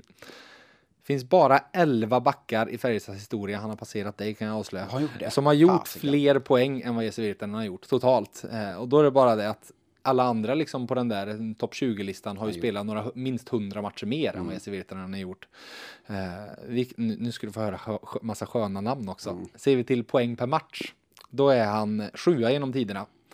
Namnen han har före sig, Janne Niskala, Chris Lee, Sten Oshara, Carl-Johan Sundqvist, denna gigant som är, eh, ja, Lo pratar om att han är lite bortglömd i Färjestad-historien. Mm. Ja, Harald Lyckner pratar ofta om honom. Ja, herregud, otroligt duktig. Eh, Kent Olsson, nu du! Mm. Det var ett namn som var nytt för mig. Ja, Målmaskin på 60-talet. Ja. Nu ska du få höra, 47 mål på 93 matcher. ja, stabilt ändå. Sen, men det är lite osäker när man liksom börjar landa på 60-talet. Var han verkligen back? just alltså, har Elite Prospect så bra koll på Kent Olsson? Men eh, det här är faktiskt eh, långt före min tid. Eh, Peter Loob också eh, Mm, det. före. Han var ju, gjorde några grymma säsonger här. I ett ganska bra Färjestad får vi väl säga. Men det är de liksom som är före och jag menar, har Kent Olsson före sig? Det har ju alla. Mm. Ja, det är ju det är samma. Eh, en annan eh, eh, lite viktig faktor som jag ville bara lyfta fram. Jesse Virtanen kändes ju, hade man suttit i november och gissat hur kommer det här lagbygget te sig? Då hade man tänkt att ja, kanske, kanske att Jesse Virtanen blir kvar. Men det kommer ju dröja. Han kommer ju vara en sån där liksom, juli, nej han fick inte riktigt något i KL eller han fick inte det budet i Schweiz han ville ha. Då kanske han blir kvar. Han var en av de första att skriva på. Eh, nu har vi väl förstått, det jag var inne på förut, Wikström var nog ännu, ännu tidigare, men annars är liksom, han var den första av alla de här, av de, de meriterade och duktiga som förlängde, så var han först ut. Eh, och sånt har jag alltid, skriver om många lagbyggen i många sporter i mitt eh, yrke eh, och det är en klassisk, ja, om det måste vara någon som börjar. Liksom. Eh, Alla tittar på vilka, vilka blir tränare, vilka blir kvar, den frågan ställer alla. Han var en av de första och var bara, ja, men jag kör här. Och skrev ett kontrakt. Han har ju klausuler till nästa år, men skrev ett år där han förlängde ett år utan någon out under sommaren. Så eh, ja, sen den sista då. Tre år i SHL. Han har vunnit backarnas poängliga två gånger. Sen var det det första bedrövliga året, då kom han bara trea. Mm. Ja, ja det, det är för dåligt. Mm, det är för dåligt. det säger lite ändå. Va, har du någonting du vill addera eller Nej, är du nöjd med nej, min jag, utläggning? jag, det är bara en klassspelare rakt igenom. Liksom. Ja. Alltså, jag, jag, har- tror jag har sagt det tidigare också, men vi pratar ju om hans offensiva spel. Jag tycker han är en så här tju, naturlig tjurighet i defensiven. Liksom han kan dela ut lite smällar. Så här, han, han, är rätt, han är rejälare än, än vad man, han kanske får erkännande för. Så att, nej, eh, grym back och en given femma i det här, oavsett lagbygge. Så att han är en toppback i eh, SHL. Eh, En liten varning till eh, alla er som eh, bor i Karlstad och kanske går på honom i någon affär. Han gör ju alltid intervjuer på engelska, men ryktet säger att hans förståelse av svenska är väldigt bra. Så prata inte illa om honom på svenska bakom ryggen och Jag tro tror, att han många, inte kommer... jag, jag tror att det är väldigt få som pratar illa om Jesse Virtanen. Ja, det, ska, det är nog faktiskt så. Du, jag gav ju dig ett givet 5 plus i betyg. Någon som definitivt alltid är 5 plus, det är Christer. Oj. Nu kommer han. Eh, det enda eh, som är bättre än att eh, vinna ett presentkort på Christers butik för 500 kronor är ju vinna som är värt ett som är värt ännu mer. Men eh, 500 spänn i, samt en bag från VF är det som nu står på spel när ni på nytt ska få chansen att tävla med oss här i VF Hockey. Så spetsa öronen och lyssna riktigt noga på vad Christer funderar på idag.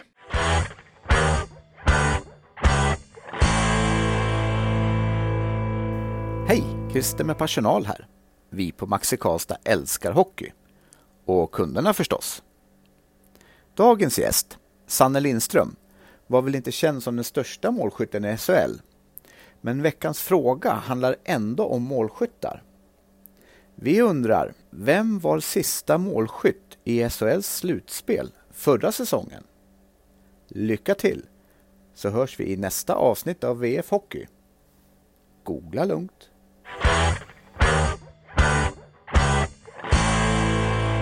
Skicka svaret på frågan samt när ni tror att första målet görs i träningsmatchen mellan Färjestad och Linköping i SHL-genrepet. Alltså tisdagen 7 september nere i Skövde. Ni tävlar som vanligt genom att skicka mejlet till hockey.vf.se.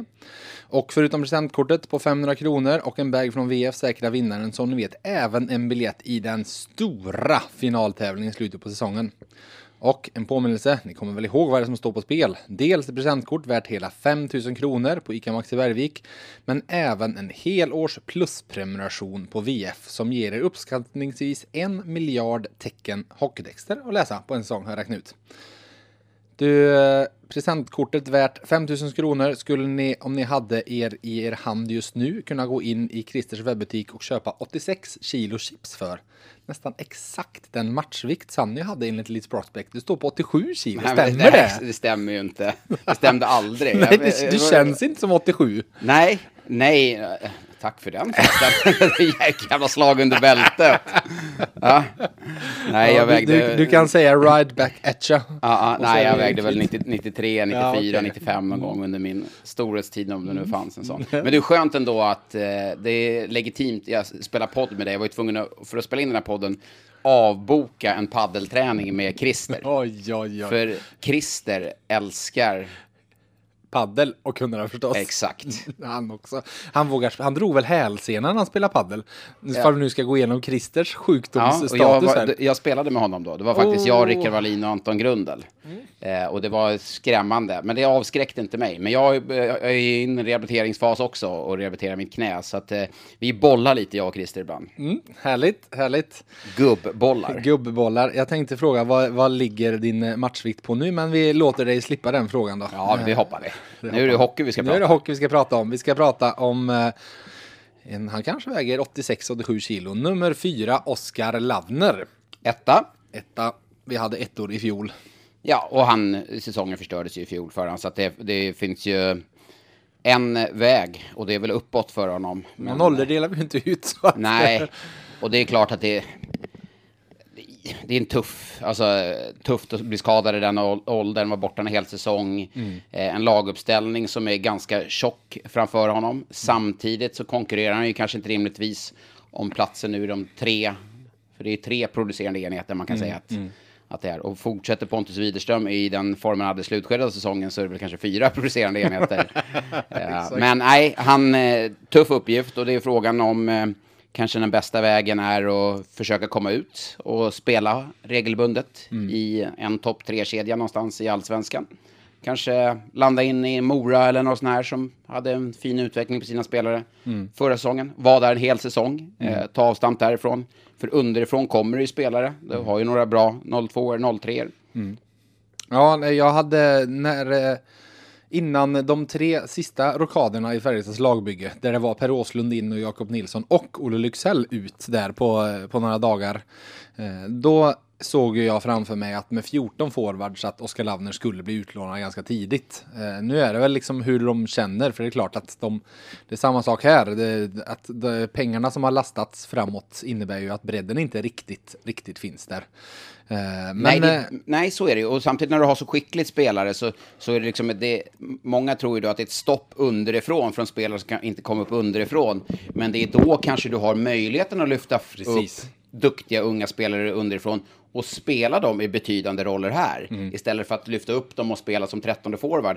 Jag menar, lek med tanken att Micke Lindqvist blir skadad. Ja, men då har du Forsell då kanske mm. som 03 eller om eh, Alexander Artursson har en fin utveckling i där, då, då finns ju liksom en utveckling, en, en, möjlighet för de spelarna att ta sig upp och spela få minuter i ledande positioner mm. som man har då i J20.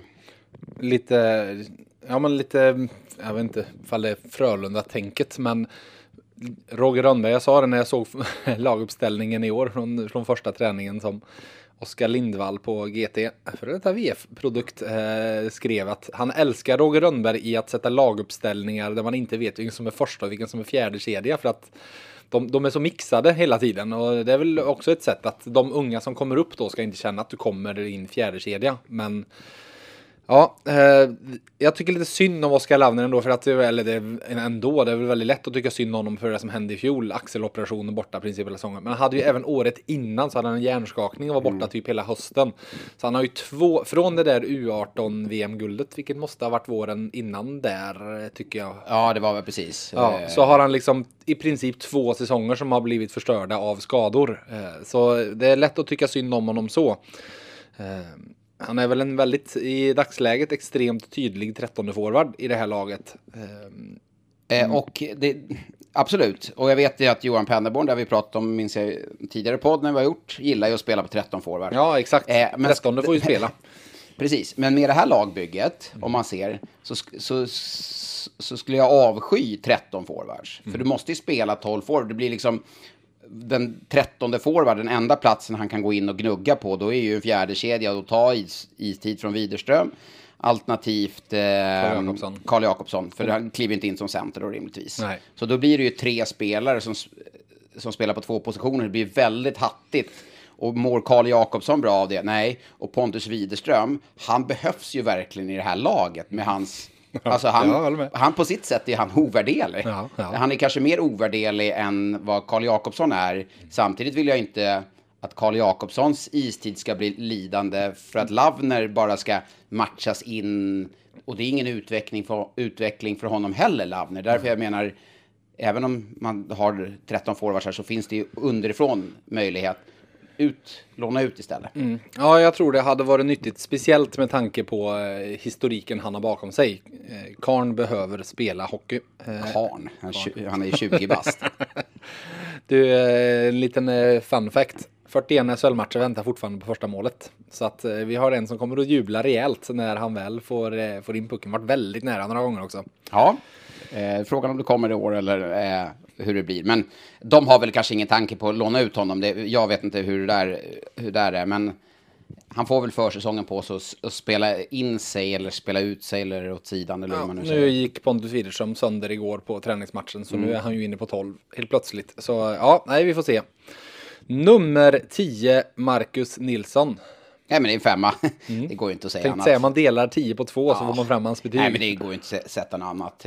Men den klassen han visade Eh, när han lämnade. Eh, som eh, bäst, utsett till på SHL Award som bästa forward. Vann poängligan. Säsong i fjol som absolut inte var bra på något sätt, varken i Ryssland eller i Schweiz. Eh, inte heller eh, massvis med lovord, men i Färjestad, hemmaplan, tryggheten, mm. kompisarna runt omkring, kedjan med Linkvist och Rydahl. Det är klart att det bara osar klass och en femma. En, en liten resonemang jag har lite svårt för i idrottsvärlden är det här att det nästan på något sätt är lite fult att vara hemkär. Eh, att det är liksom, för Lillit det är ju lätt att se, alltså utanför Värmlands gränser och innanför Värmlands gränser vad han har gjort i karriären. Eh, men vadå? Vem vill inte vara med kompisar? Vem vill inte ha familj och kompisar nära sig? Bara för att man blir elitidrottsman så får man inte vilja ha det, eller vadå? Nej, är det nu du säger att du liksom tackade nej till ett chefsjobb på Aftonbladet eller Expressen? Så för att du var många gånger som de har ringt och jag bara, men jag vill inte det. Liksom, det är ju som telefonförsäljare hela tiden. nej, men nej, men det är väl, nej, alltså jag förstår att du negativ andemening, att man liksom menar det, men... Det är väl vackert? Ja, ja det är väl sätt. bättre än tvärtom? Ja, att exakt. man inte kan leverera på hemmaplan. Ja, precis. Eh, jag, när, i, i förra podden så lyfte jag fram honom lite eh, spetsigt eh, resonerat som en flopprisk. Att han, han har sån enorm hög fallhöjd från vad han presterade när han var här senast. Att det, fall det bara finns en väg för Oskar Lavner så finns det nästan bara en väg för Marcus Lillis Nilsson. Att det är mm. svårt att Ja, en, det går inte att vara så mycket bättre än vad han var, speciellt den våren eh, mot slutet. Det, eh, det, att, det är sant. Det, det, med, och så sen, alltså den här, eh, en gång, ingen gång, eller eh, vad ska man säga, starten på något nytt. Sex, ja, men, se, ja, men tittar vi på vad han har gjort i SHL, bortser vi från säsongerna i ettan med Sunne och åren i allsvenskan med Karlskoga så har han gjort sex säsonger på elitnivå. För vi räknar med året nu i KL och Schweiz. Fem av de säsongerna så har han varit en 20 till 30 poängspelare på högsta nivå. En säsong så har han gjort 54 poäng och varit utomjordiskt bra. Och då är det liksom, var, är han på den nivån nu? Är det precis där han kommer att vara? Eller kommer han landa någonstans mitt emellan? Vilket ska inte, det är inte dåligt att göra 40 poäng. Det är ju bara fem mer än en 3D-center. Så alltså, var, var lägger vi in honom eh, förväntningsmässigt? Vad, vad tycker du? Liksom, var går gränsen för en sån här tydlig poängspelare han ska göra för att det ska vara godkänt? Nej men alltså jag, 40 poäng, alltså norr om 40 poäng liksom. Jag, förvänt, jag förväntar mig inte att han ska göra 54 poäng som, som sist eller vad det var. Då ger du en femma nästa år också på 42 poäng? Ja, det skulle jag nog säga att jag gör. Mm. Det beror på, alltså man pratar ju om Frölunda nu, de får hem Ryan Lash, betydelsen för han i powerplay. Mm. Ser man då när eh, Marcus Nilsson senast var i Färjestad, då, innan han lämnade, så gjorde han 25 poäng på 50 matcher i powerplay. Han var ju avstängd två matcher den säsongen. Just det, han avslutade ju Han, han skrek någonting. Ja, han avslutade med ett matchstraff. Uh, inte av. Sist, jo, det, det också. Han fick ju två matchstraff. Den sista matchen så avslutade han med ja, Men han fick ett avstängd? Jo, det fick han ju också. Så det han var avstängd? Ju, ja, han var avstängd. Ja, sista ja, fick han väl inget slutspel. Nej, Nej, just det. Så det, det, var, men det var en ful tack. Alltså han gjorde en ganska ful grej där. Det är så sjukt. Ja, det var ja. oväntat. Men eh, om man då ser, när han lämnade gjorde 25 poäng i powerplay. Den som gjorde flest poäng i powerplay i fjol mm. var Jesse Virtanen. Ja, just det. 16 poäng. Mm. Flest poäng i Färjestad i powerplay. I, precis, ja, förlåt. Mm. Och Marcus Nilsson gjorde då 25 poäng året innan i powerplay. Mm. Så att man pratar ju om Brian Lash betydelse för Frölunda mm. i powerplay. Färjestad hade då nionde eller tionde bästa powerplay i fjol. Gick från 42 mål året innan i powerplay till 32. Alltså det, betydelsen han kommer ha inverkan i powerplay. Han kanske inte nödvändigtvis kommer göra poäng i alla, men han kommer sätta upp spel, dra åt sig markering, öppna upp ytor för Linkvist skott, för Virtanen på point, eller om Wikstrand står där. Så att hans betydelse kan inte bara mätas i poäng. Han kommer, han kommer göra mycket poäng, mm. men eh, så att det, jag har inte poängkrav. Det är som när vi eh, vann 2011 där. Jag tror Pelle Pessberg gjorde flest poäng den säsongen. Han ja, gjorde 36 det. poäng. Ja, och det är ingen som minns vem som vann poängligan i det laget. Nej. Det är ingen som minns att han eh, Bara gjorde ser att det hänger 2011 upp i taket. Precis, och det är det jag menar. Man behöver inte ha det är klart att det är kul för fansen, man gör mycket mål, 54 poäng, vinner poängligan, får bästa forwards. Det är klart att det personligt det är jätteroligt, men det är någonstans troféerna mm. som det handlar om. Och därför blir den största utmaningen i den här forwardsuppsättningen, det är ju kanske inte vem som gör poängen, utan vem, hur hittar man hierarkin? Mm. Nöjer sig en spelare med kanske göra 15 poäng, som i ett annat lag kanske hade gjort 28 poäng? Mm. Det är just det som blir den stora utmaningen. Kan man få den här spelaren som då bara gör 15 poäng och känna sig att de här 15 poängen, eller den här istiden, den här Mm. tekningen i egen zon, det är fan det viktigaste du gör. Det var ju Conny Evensson, det pratade alla om, Conny Evensson, som hans största styrka. Frölunda och allt det där, och även i Färjestad som han har varit i landslaget. Han fick ju alla att känna sig betydelsefulla, oavsett roll. Mm. Ja, ja, men det håller jag med dig. Va, fall du som back då, när vi nu pratar om en som har den här eh, extrema powerplay-spetsen som han ju har. Hur hade du hanterat honom? Hur hade du matchat mot honom i ett powerplay? Det är det som är så. Jag, jag jämför lite med Linus Omark. Jag kommer ihåg när jag spelade boxplay mot honom och när Johan Harry och han var så fruktansvärt bra tillsammans någon säsong. Hur svårt det var. För eh, gick man för hårt på då Omark, som då jämför med Marcus Nilsson, så fanns det yta på första stolpen där då kanske, jag vet inte vem som står där nu då, om det är Nygård Ja, som de hade eller... igår så var det ju Nygård och Gustav Rydahl. Ja, Rydahl. som Alltså, hängde runt i mitten. Och så det, det liksom öppnar upp ytor, så det är svårt att gå. Går du för hårt, sen är de här skickliga spelarna, de vill ju nästan att du ska gå hårt Mm. på dem. För då vet de att det öppnas upp en yta i mitten eller så. Så det är jäkligt svårt att anpassa sig. Och Mm. Går du mycket- inte hårt så får han tid att stå och Precis. sikta. Eh, och det som är, eh, har de här spelarna självförtroende att våga slå den där passningen? Om Marcus Nilsson inte har självförtroende, kanske som förra säsongen, han vågar inte slå den där passningen, för den bryts, säger vi, två av tio. Och den två av tio, då blir det nästan huh, den där sucken, så, som nästan Johan Ryno hade under någon säsong här. Fast, Rino-sucken. den klassiska. Ryno-sucken, om vi får säga det. Fast han, han gjorde ju otroligt mycket bra Ja, ja. också, Ryno. Men här i Linkes, eller i Lillis. Lillis fall, eller Nilsson där, så... Eh, jag förväntar mig inte att han gör 54 poäng, men jag förväntar mig att han är en ledande offensiv spelare, definitivt. Eh, någonstans norr om 40 poäng så, så landar han in på en femma nästa år också. Du, Lillis är nästan man kommer undan med att säga i simor sändning va? Gör man det? Nej. Nästan. Nej, nej, men det är, väl ing, nej, det är väl ingen i Växjö som, alltså så här, en eh, average supporter som vet vem Lillis är. Det är Marcus Gör de Nilsson. inte det? Det är Lillis, vet- det är vet- Stefan Lillis Lund. Ja, just nej, nu är det Stockholm Sanny här som är igång. Vi går vidare. Nummer 11, Joakim Nygård. Eh, varsågod och sätt din femma. Eller ska jag sätta min femma först och prata om honom? Men sätt din femma och motivera den. Eh, jag ska säga, han bara på tal om betyg. Vi satte ju inget betyg på honom i fjol, eh, trots att han var här, men han hade inte riktigt presenterats. Eh, Ja, just det. Då, det kom bara några dagar efter. Vill du veta något roligt? Nej, Nej, okej. jo det är klart. Varför frågar du? Det är klart jag alltid vill veta något Du roligt. vill klart du vill veta något roligt. Jag var 99% säker på att han skulle spela Färjestad den hösten när vi poddade. Jaha. Så jag bara satt och eh, hoppades. Jag hade en liten förhoppning ett tag då om att jag skulle kunna breaka det för dig. Att vi bara skulle gå så ja just det, 11 Joakim Nygård. Och du bara, va? Då? Ah. Nygård, ska han? Eh, Men jag var bara 99 så jag vågade inte. Är det så i journalistyrket? Man vill vara 100 ja. Jag kör 50-50 Ja, regeln. ja, just det, du är expert. Så var det ja.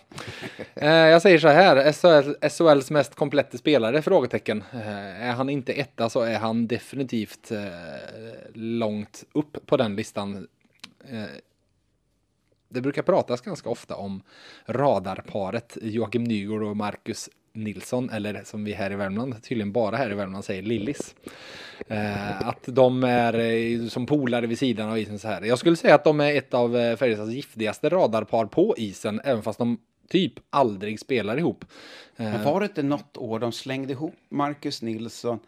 Nej, det var ju Linus Persson, Törngren. och Nygård. Var det så det var? Ja, och det Nygård bara... fick fart på dem två. Ja, Törngren bara. Det var och Linus SHLs bästa kedja i några veckor. Ja, det var helt sjukt. Ja, så var det ja. Mm, ska vi säga det. Där, där har han väl sitt eh, yttersta kvitto på, eh, på vad han kan göra, Joakim Nygård. Nej men så här, eh, Nygård är faktiskt en av de viktigaste spelarna för att Lilly ska lyckas. För här var den när jag pratade, när jag pratade om Wikstrand och den där lilla X-faktorn som kanske det hade inneburit att han spelat i NHL. Eh, det är inte svårt att eh, se på Joakim Nygård och förstå att hade han liksom haft den här naturliga fallenheten för att göra mål, hade han haft Pelle Prästbergs målsinne eh, och naturlighet där, då hade han spelat i NHL. Så är det ju. Då hade det varit en riktigt, riktigt bra NHL-spelare för precis allting annat. Den målgarantin kommer aldrig komma på Joakim Nygård. Däremot så vet du vad de har i det här när de skrev på nu så sex år kontrakt garanti där längst ner. År. Det är helt sjukt. Det. Vet du vad det står i garantin som de har där garantisedeln längst ner? Nej. Alltid ett powerplay per match. För det är någonting han är garanti på. Alltså inte garanti att han ska få spela, Nej, utan att han han- kommer att fixa. Precis. Fixa powerplay-garanti, det, det är Joakim Nygård synonymt med och vi vet ju alla eh, vad det innebär för Marcus Nilsson. Så är det, absolut. Jag hör vad du säger. Ja, Varsågod. Ska ja, du nu nej, dra men jag in också, en jag fyra också, här, eller nej, är du ja, på väg Jag satt, jag satt en femma. Men alltså, säsongen när han kom in i fjol där ju, Mm. inte spelat någonting. Alltså skulle man summera den tiden här, inledningsvis, det var väl en trea. Avslutade väl kanske som en fyra då. då. Mm. Men det, då hade han inte spelat någonting och det var handen. Eh, läste du, att, om det var du som gjort intervju med han kändes bättre när han kunde knyta. Ja, han, han kunde ju inte knyta näven Nej, förra exakt. hösten. Eh, Och, Och det är viktigt när man spelar Jag- hockey. jag nu det, va? jävlar knyter vi näven och kör. Och det kunde inte han göra. Nej. Tänk när Penderborn sa det. Då satt han där hur frustrerad som helst. Mobbning. jag kan ju inte knyta näven hur jag än försöker. Nej, men alltså, det, det, var, det var ju tuff säsong och man hade ju så här grymma förväntningar på. Och man såg ju nästan flera gånger så var det ju så här, han liksom kom igenom och så skulle nästan skjuta och fick något lite så här, aj, man såg han aj, höll sig för handen. Han mådde ju liksom inte bra i handen. Det kanske, han kanske inte ens skulle ha spelat egentligen, utan han spelade ju för att han... Och slutade med att han opererades och var borta ett tag där. Ja, precis. Eh, jag är förvånad att han inte lyckades bättre i NHL. Eh, jag, trodde, jag trodde verkligen när han åkte över att han har en karriär på fem sex år där borta. Men det kan ju också tillskrivas skador lite. Sen är det ju Edmonton är ju kanske inte stället du raka vägen till liksom Han verkar livslång ju, lycka. problemet eh, i förra säsongen verkar ju ha varit att eh, coachen där borta var ganska tydlig med att jag ser det som en topp två kedjespelare om du ska spela. Och då börjar man plötsligt kolla på dem där. Mm. Ja, det, det, Då är det det. Dreisaitl, McDavid, Nugent Hopkins och så kom Puljujärvi och var in. Ja, och så bara, ja okej, det var inte så himla lätt att ta plats Nej. där. Nej, men jag, eh, det är klart att han är en femma och han kan ju, eh, alltså, han behöver ju inte spela powerplay. Han kommer ju säkert spela powerplay, eh, men han, under många år här i Färjestad så gjorde han inte det. Eh, men han var ju grym ändå på att skapa lägen, eh, ta in pucken i offensiv zon under kontroll, alltså skapa utvisningar, lägen. Grym i boxplay, jättenyttig där också. Han är nästan offensivt hotare också. Så att han är ju, som du säger, en komplett spelare. Det måste som, vara sjukt jobbig att spela mot som back i boxplay. Känna det här Ja. att minsta lilla kommer han är, då är jag körd. Ja, exakt. För jag kommer inte ha en chans att hinna ikapp honom. Nej, men jag tycker det är roligt att... Jag, jag känner inte honom. Han kom upp i den vevan som jag skadades. så att vi liksom möttes väl mer eller mindre i dörren. Men han har haft en härlig utveckling. Jag kan inte säga att jag känner honom eller har någon... Men det är en spelare jag vurmar för. För att sen jag klev in då som expertrollen så har jag liksom hela tiden fått följt hans utveckling. Från säsong till säsong. Har blivit bättre och bättre. Var kvar i Färjestad länge. Så jag liksom jag gladde mig väldigt mycket i NHL. Jag kollade highlights när han spelade utan att jag känner honom. Vanligtvis kollar jag på Klebom och Brodin, de här som, man, som man känner lite. Men jag har verkligen så här, velat att det ska gå bra för honom. Och nu när han är tillbaka så tycker jag det är kul för ligan. Det är lika mycket som jag gläds åt för Färjestads fans del. Så tycker jag det är roligt för ligan. För det är ändå en sån här, det är en sevärd spelare. Ja, men det är lite alltså alla Dick Axelsson, att man alltid visste att någonting kommer att hända med honom. Åt något håll kommer det hända någonting.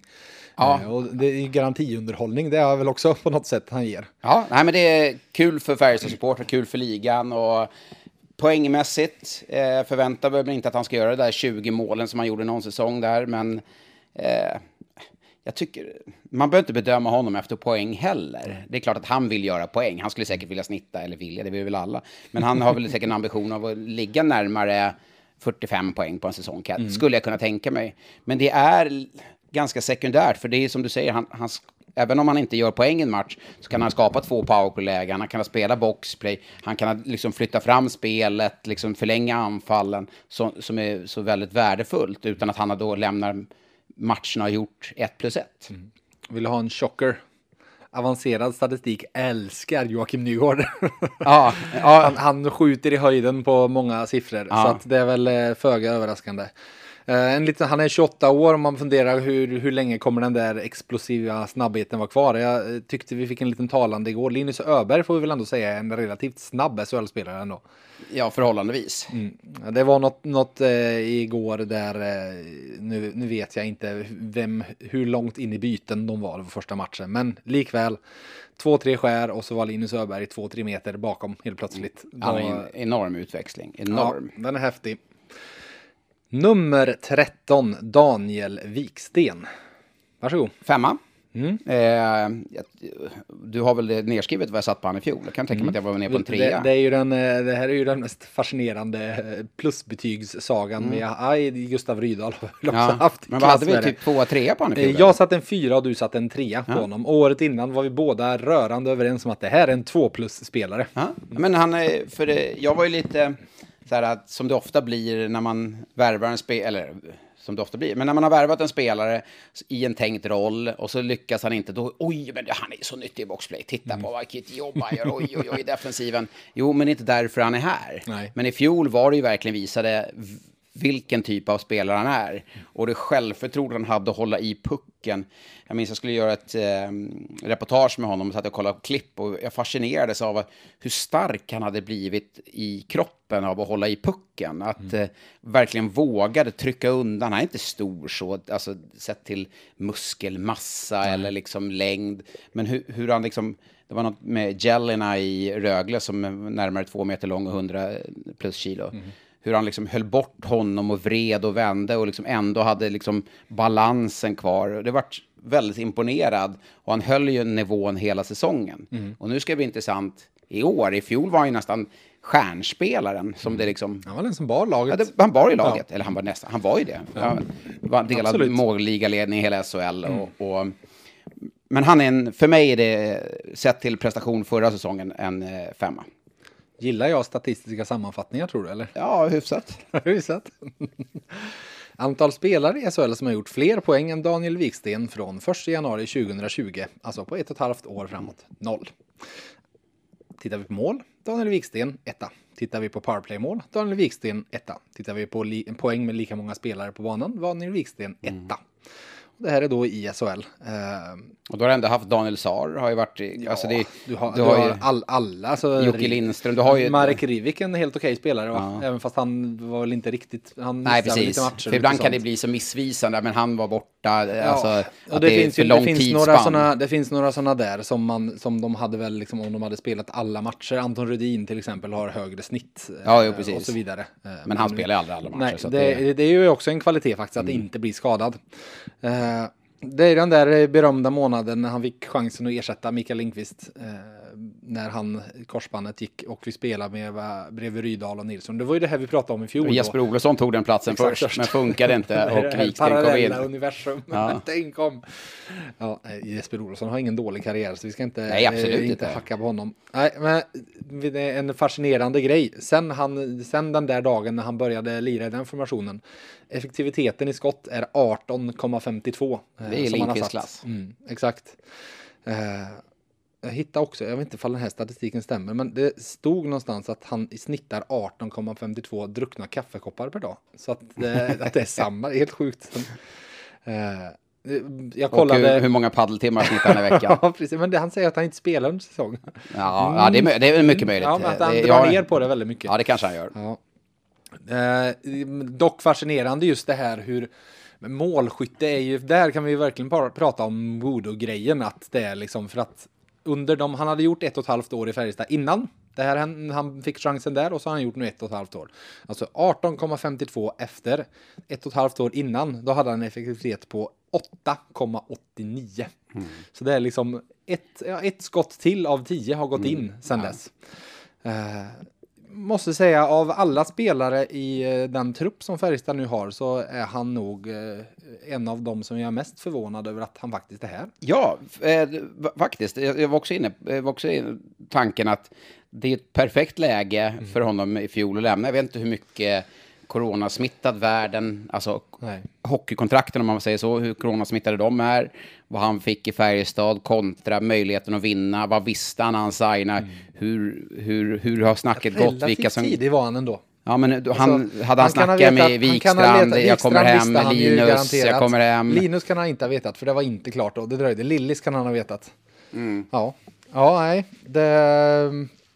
Men och, dessutom, alltså så här, att Victor Ejdsell i sin ålder valde att stanna, det var ändå liksom på något sätt lite mer väntat. För jag menar, han kommer ju kunna sticka när det kontraktet går ut. Eh, nu har eh, Viksten out efter det här året, så gör han det lika bra så kan han ju sticka. Men jag menar, han börjar bli gammal, om man Ja. får säga det. Det, liksom, det kändes ju som det liksom optimala. Det, det var ju det där året när alla sticker. när de har 31, gjort det. 31 bast, det är 31 liksom- gjort livets säsong. Eh, delat målligan. Ja, det kändes ju verkligen som att nu sticker han. Eh, så ja, han, eh, det är väl det där vackra ordet hemkär stämmer lite in på honom också, tror jag mig veta. Så eh, det kanske var det, plus lite andra saker som du nämnde som faktorer. Jag var inne på Victor Ejdsell och det är han som står näst på tur. När vi går till nummer 14 i fjol satte vi varsin fyra på honom och jag har satt en fyra även i år. Det har jag också gjort. Eh, där tycker jag, jag är inte förvånad att han stannar. Eh, absolut inte. Jag tyckte han Nej. tog stora kliv som kapten, ledare i gruppen, också spelmässigt. Eh, men jag tänkte när, när liksom namnen började ramla in, att hur ska det liksom få plats med honom någonstans? Att det kanske han skulle offras eller han skulle själv känna. Eh, men imponerande att få in honom under liksom, Lönetaket. lönetaket och en spelare som liksom, ja, han kommer han kom bli ruckigt viktig för dem. Eh, och då en, jag menar första, andra eller tredje nu, det har ju egentligen ingen betydelse. Men vad spelar han i premiären med eh, kedja med eh, Linus Johansson? eh, Nej, Nu? Så, Ja. ja. Det tror du menar nej, men alltså nu ja, i- Per Åslund och Linus Johansson. Ja, precis. I tredje kedjan. Ja, och det, jag menar, det är ju en kedja som skulle kunna bli ruggigt tunga och jobbiga att möta. Eh, också kunna skapa mycket lägen eh, offensivt. Så att, eh, nej men eh, starkt att få in honom under, inte lönetaket, men under kontrakt. Du, eh, ska köra lite ett quiz med dig. Yes. Ja. Hur många mål i powerplay har Victor Ejdsell gjort sedan han kom till Färjestad? Oh, ingen aning. Sju? Tre. Tre? Mm. Ja. Eh, han är faktiskt den enda under de två senaste säsongerna totalt sett som kan matcha Daniel Wiksten i eh, poäng i, eh, med lika många spelare på banan. Mm, just det. De två är etta, mm, tvåa stämmer, senaste två åren. Eh, och det där är en statistik jag ändå tycker säger ganska mycket. Att Men man, han är- man, han- får, han man är- får inte gratis poängen liksom. Nej, men han har inte spelat i första PP heller. Exakt. Utan det, det är ju, första PP, det, det är 1,20 liksom Mm. på is och så när pucken går ut får man börja bakifrån och så bygga upp ett spel. Det är ju... Likväl så har han gjort fler poäng i 5 mot 5 än Marek Krivik, än Joakim Lindström, än Daniel Saar och alla de här. Eh, De ligger strax efter, men Mm, likväl, men han, han är där. Eh, Jag var inne på i våras att eh, det känns som att han... Eh, ha- första året så blev det ju inget slutspel, då blev det inställt att Victor Ejdsell har ju verkligen alla egenskaper för att vara en riktig slutspelslirare. Att när det börjar bli tungt och det börjar bli tufft, att eh, med sina...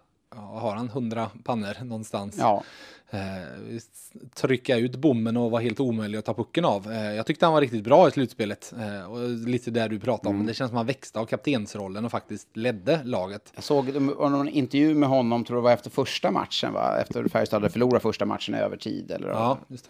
Såg liksom de här, det är också så här klyschigt, brinnande ögonen, vad fan är det för jävla Hade snack? han knutit näven? Nej, precis, men det, var, det fanns liksom en, någonstans, hur ska jag förklara? Alltså en trovärdighet i hans känslospel, att liksom, fan vi kan ha det här, förstår du? Att liksom han, det var trovärdigt det han sa. Ibland kan det vara någon ställer upp på en intervju, Linus Johansson är också så, att liksom, what you see is what you get, liksom, när han ställer upp en in, ibland kan du ställa spelare till svars eller till intervjuer och det är liksom så här, Du ser tvekan i Ja, ögonen men på dem. menar de ens vad de säger? Tror de ens själva på det? Vad fan de snackar de om? Det är liksom, jag, jag ser igenom det och det gör man ju som supporter också. Mm. Medspelare, motspelare, tränare. Men där kändes det liksom äkta på något sätt. Är du, hänger du med på mitt resonemang?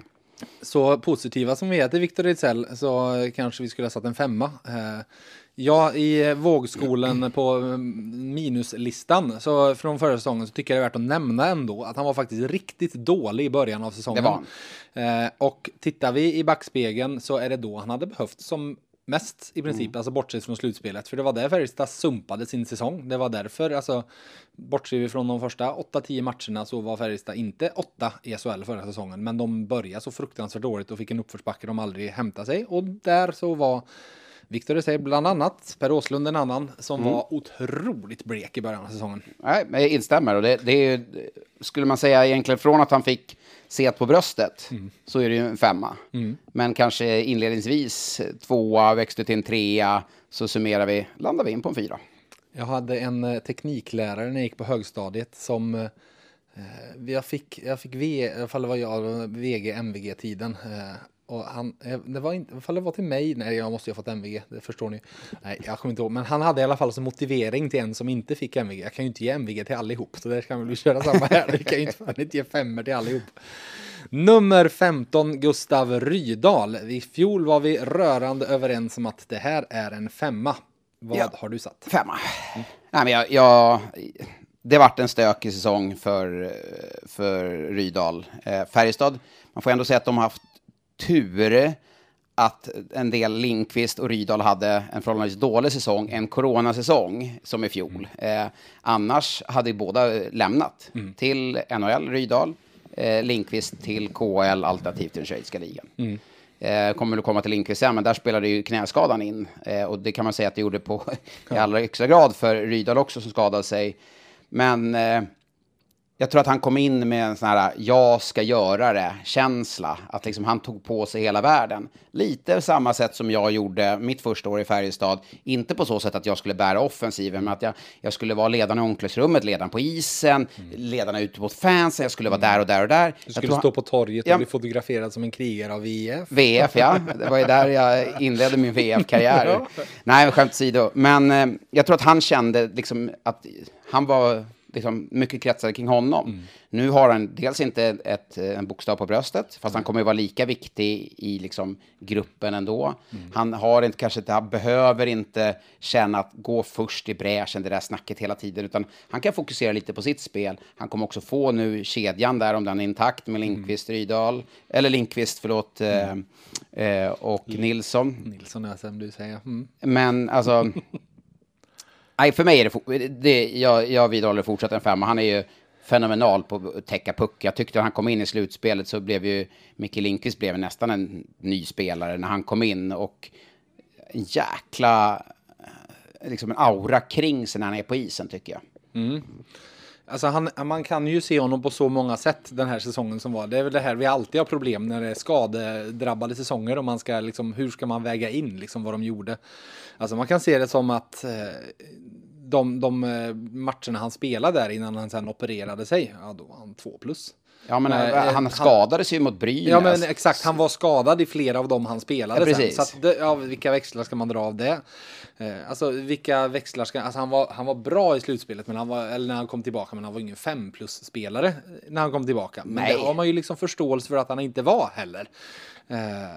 Så jag skulle säga, i, igår så tyckte jag han var en av de mest intressanta att se lite. Helt enig, helt Vilken, enig med det där. Hur, hur, ser han ut nu? Och mm. jag tyckte alltså målet, ja det ja. kändes som vibben för två år sedan. Mm. Eh, självklarheten i sitt agerande.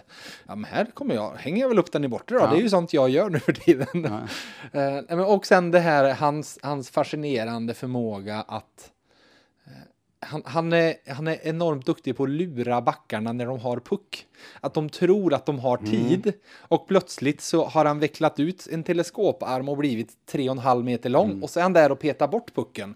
Mm. För att han har dessutom en, en skridskoåkning som heller inte är så frenetisk så det ser inte ut som det går så fort. Men det gör det. Ja. Det är en väldigt kraftfull åkning han har. Exakt, så jag, jag, det, på något sätt, för jag, det är många gånger i matcher där jag tänker att Eh, man ser motståndarna, motståndarspelarna, backen där har pucken och man tänker, men fattar du, han kommer att ta den alldeles strax av det. Men de är liksom lite för lugna och så plötsligt har de blivit av med den. Mm. Han vinner ju enormt mycket puck. Och sen som sagt eh, omgivningen som han hamnar i nu. Jag tror han kommer att dra väldigt mycket nytta av att vara tillbaka där. Vem gör inte det? Nej. Nej men alltså, det blir, hans roll blir så fruktansvärt tydlig. Det, är liksom, det går nästan inte att ha en formation med tydligare, ja, men tre sådana spetsegenskaper som de har. Ja, men ta in pucken Fäll ut armen, ena armen, håll bort och så håller du pucken bo långt bort och så åker du lite där och sen ger du pucken till Lillis. Och eller... sen tar du in mot mål för att ja. Lillis kommer söka Linkvist och han kommer att skjuta. Mm. Uh, det, sen eh, en, sak Men vad har slag... du för betyg då? Ja, men jag satte en femma. Ja, jag satte en femma, absolut. Uh, en, en liten sån här, liten, as, inte association, men en, uh, någonting jag har noterat det är ofta man hör spelare prata gott om att de, ja men det är kul, han är tillbaka och så här. Mikael Lindqvist, när man pratar om att Gustav Rydahl kom tillbaka, alltså så innerligt glad. Han var redan då, alltså han, det du säger, han såg ut som en ny spelare, ja. Eh, för han gjorde det. det allt blev så, han, han, pratade om det i slutspelet. Jag vet, jag behöver inte ge mig in i närkamper. Är han en mot två nere i hörnet, han vinner den pucken och så kommer han gräva loss den. Att hans roll blir också så mycket mer naturlig. Och även nu, liksom, när jag pratar med honom om, om glädjen att vara återförenad i den här formationen. Och det var liksom, det skiner i ögonen på honom. Han bara äntligen. Liksom. Jag förstår, han ser ju 22, 23. Jag kommer bli så himla rik nere i Schweiz efter den här säsongen. Jag förstår det vilka stats jag kommer få. Ja, nej, nu drog jag det lite långt. Nummer 22, Per Åslund. Om du inte hade något mer att säga om Gustav Rydahl? Nej, det är, det är ju mesta är sagt om honom. Så mm. eh, vi bollar vidare till Åslund direkt. Och kör du då. Uh, I fjol så satte vi varsina femmor. Jag har dragit ner Per Åslund ett snäpp till en fyra. Tråkigt när vi är så rörande ja, överens. Tråkigt. Eh, men det, Per Åslund hade ju en drömsäsong där för, för två år sedan. Mm. Alltså det är liksom... Det var egentligen, ju mer man tänker på det, en osannolik säsong han hade. Ja, Helt ja. galen säsong. Mm. Eh, men han är ju så, han är ju, han skulle kunna göra sju poäng den här säsongen och ändå vara väldigt nyttig för dem. Förstår du vad jag menar? Alltså, just det här smart i spelet, ligger rätt i banan, låser fast pucken, får ut pucken, han behöver spela enkelt han behöver, håller i, alltså, han gör ju alla saker rätt. Eh, var han 34 år nu? Skrev han två års... Fan, vad ska vi göra nästa sommar då? ja. Fan vad tråkigt. Ja, ja, det är helt sjukt. Det är ingen option där ja, någon kan bryta nej, efter ett år. Inga klausuler. Är du, är du helt säker? Ja, jag är helt säker. Fan vad tråkigt. Alltså, så jag vet, om, om ni har någonting, alltså jag kommer ha typ 77 sidor tomma i VF nästa sommar, liksom från vår, vårkanten där framåt. Så alltså mejla johan.ekberg.vf.se med tips, för det kommer att behövas fyllnad utan tvekan. Nej, det har ju varit en följetong två somrar. Jag måste bara säga, vet, har, har du förstått vilken makt du har? Varför då? Kommer du ihåg? Du och eh, Johan pratade ju i er podd om, eh, om Åslund-situationen och du sa håll käften. Lås in, håll käften, lås in i ett rum, lös det. Ja. Ingen säger någonting. Vad hände efter du sa det? Nej, jag tror inte det. Det hade nog inget med det att göra. Ingen sa någonting. Nej, men det var jag väl... fick till slut Per Åslund att prata typ någon månad senare, eh, strax innan jag gick på semester, när det sen löste sig en vecka senare.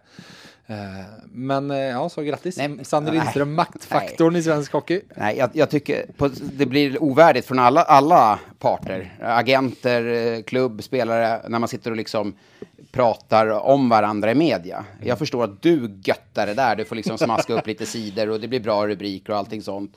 Men om allas ambition är att förlänga, lös det då. Mm. Du behöver inte använda dig av media som en, eh, som en faktor för att få in... Det finns ingen som... Det här kommer jag klippa bort. Jag Nej, men det finns ingen som tjänar på det av alla de jag nämnde. Agenter, mm. agenter ser amatörmässigt ut, spelare, klubb lika så. Det är ovärdigt. Och nu, om det var efter det, det var ju såklart inte för att jag sa det, inte det jag menar, men det var ju bra att alla bara la locket på och, och, och eh, löste det. Sen eh, till vilket hur sättet man löste det eller någonting så, men jag ska säga, jag hade kunnat vara Per Åslund agent och liksom, satt mig i ett rum med Peter Jakobsson och sagt att ungefär som vi sitter nu. nu vi, ingen lämnar rummet förrän, förrän vi har löst det här. Alltså det är inte mm. svårare än så. Nej. För allas ambitioner var ju faktiskt att stanna. Om Per Åslund hade velat lämna så hade han säkert kunnat gått till Örebro, pendlat till Örebro och mm. tjänat kanske mer, jag har ingen aning. Men alltså, jo, men det hade han garanterat. Precis, men det fanns ju, det jag menar här att alla ville lösa det. Åslund vill inte spela någon annanstans. Vad han vill bli... Dessutom menar... en, en eh, civil situation eh, med hans fru Malin som var långtidscovid. Ja, jättehemskt, ja, ja. absolut. Ja, så att de, det, det, spelade ju givetvis också in att familjen ville verkligen inte flytta. Nej, och det spelade ju Färjestad i händerna och då kanske de utnyttjar det. Och det mm. blir också så här, jag förstår ju att det är, men det, lös problemet på ett värdigt sätt. För jag menar, när du kollar vilka spelare du landat in här, det är liksom det, det, är inte jävligt svårt att lösa ett kontrakt. Och vad är det som hägrar för Åslund? Jo, den mesta spelaren i klubbens historia, kanske den sista tröjan som någonsin kommer hissas upp i taket. Säg inte det, Joakim Nygård kommer att spela ja, vissa, miljarder. Han kommer faktiskt vara på gränsen. Och, alltså, ja, det är sant, just här, det. Det har du korrekt. Så, eh, så, är han på gränsen att komma upp i de siffrorna. Mm. Mm. Ja, men precis. Ja. Men det, det, det, är ett fåtal spelare, ja. om ens någon, som, som kommer ha, med tanke på hur hur det ser ut nu med spelare som kommer och går och KL och schweiziska allt bla bla så. Så att, eh, nej, glad för Åslund, men han får nöja sig med fyra den här säsongen. Mm. Jag tyckte att han, han blev ju sista pusselbiten in. Eh, snygg video för övrigt. Den ska Stefan och. Färjestad ha cred för. Den Just var riktigt det. snygg. Men det- de gör bra jobb där. Speciellt Manchester United-tofflorna som kuppades in av Per. Vi pratar alltid United när vi ses. Det brukar Ja, vara Men håller inte Stefan på Arsenal. Arsenal? Så det är helt otroligt starkt gjort av Per Åslund. Eh, jag, på något sätt så kände jag kring hela det här lagbygget att det, så länge den där situationen inte var löst så fanns det någon, en liten, liten bitter eftersmak. Det hade känt, alltså säg att Per Åslund nu hade spelat i Örebro. Och du igår. hade haft det här laget? Ja. ja. Det hade känts, men på något sätt det blir lite, lite ovärdigt just med det du säger. Just att alla vet, ja men nästa säsong, halva säsongen så kommer han vara kamp, kapp Mattias Johansson och, och vara etta genom tiderna. Det är liksom, det är inte etta genom tiderna i en förening som har kört i 15 år, utan det är en lång, lång, lång historia liksom. Så eh, jag, jag, det saknades en liten bit av hjärtat i laget. Alltså, Han kommer aldrig vara lagkaptenen och aldrig vara den som eh, höjer rösten på det sättet. Men han är, han är lite hjärtat på ett annat sätt i hela det här, hela det här bygget. Föga överraskande underliggande statistiken älskar även Per Åslund, även än. Liksom. Han, han är högt, högt, högt i SHL fortfarande. I Det hade många... varit kul att se hur de siffrorna såg ut när vi spelade tillsammans. För det var ju samma diskussioner då om honom, att han borde ta mer ansvar, göra si och så och kanske göra det och det. Men han var ju jävligt nyttig alltid. Det har varit intressant att se hur de siffrorna låg där, 29, 10, 11 där. Eh, Han kunde ju spela med vem som helst, eh, när som helst och alla älskade att spela med honom. Ja, den här klassiska Milan Gulas-hyllningen på sociala medier för något år sedan när Simon, det var den säsongen han var så himla bra. Men just det. Och de la ut typ, är han mest underskattad och Milan Gulas bara retweetar bara 100% mest underskattade. Ehm, det, ja, nej, men på, på många sätt så. Eh, Sen den lite roliga grejen. Eh, Färjestad gjorde i ordning två stycken powerplay-formationer eh, inför, inför Örebro-matchen som de tränade med där i några dagar. Per Åslund var inte med i någon av dem. Trots att han var mm, hade, mm, det var Jesse Virtanen som spelade med, mer i powerplay per match i fjol. Nu är det ett helt annat lagbygge så att skitsamma det. Så det, men de tyckte i alla fall tio spelare som de hellre har på isen med en man mer på banan än Per Åslund. Ja. Sen på slutet plockar de målvakten. Vem står där till sist då som en av sex spelare som ska kvittera? Men det är kanske också tio spelare som de hellre måste ge chansen nu. Ja. För du vet vad vet du vad du får har. i Per Åslund. Det finns säkert en kommunikation där. Hade du börjat redan första matchen nu och sätta en del spelare, kanske så som har värvats in, så... Mm, alltså, det är en jävla fingertoppskänsla där du måste ha som i Penneborns fall här, hur du ska matcha laget. För att börja liksom redan nu en del, välja bort en del spel, då kan det bli lite tjurigt och det har du inte råd med när du ska ha ett lag som ska gå hela vägen. Så det Nej. återkommer jag till. Det blir en stor utmaning att hålla alla nöjda. Rollfördelningen, ja men exakt. Nummer 25, en av de som känns väldigt nöjd med sin roll, om vi nu ska prata roller, eh, Martin Johansson. Vi satte i fjol varsin tvåa på honom. Jag har höjt Martin till en trea. Ja. Nu suger du på det. Du hade tänkt säga två här. Och nu jo, men jag, jag håller fast vid en tvåa. Men jag, i fjol fick jag inte säga starka eller svaga tvåor. Ja, men, ja, men eh, jag tror det är bra han för lyssnarna. Repetera, repetera vad 5, 4, 3, 2, 1 är nu. Ja, men då, då kör vi det en gång till. Eh, Så att fem, det är ja, lätt absolut, att lyssnarna glömt absolut, hur det var för tre det, timmar sedan. Det, exakt vad som hände. Eller jag kanske har glömt också. Fem landslagsklass. 4. Mycket bra SHL-spelare. 3. Bra SHL-spelare. 2. Okej okay SHL-spelare. 1. Breddspelare på gränsen till SHL-klass.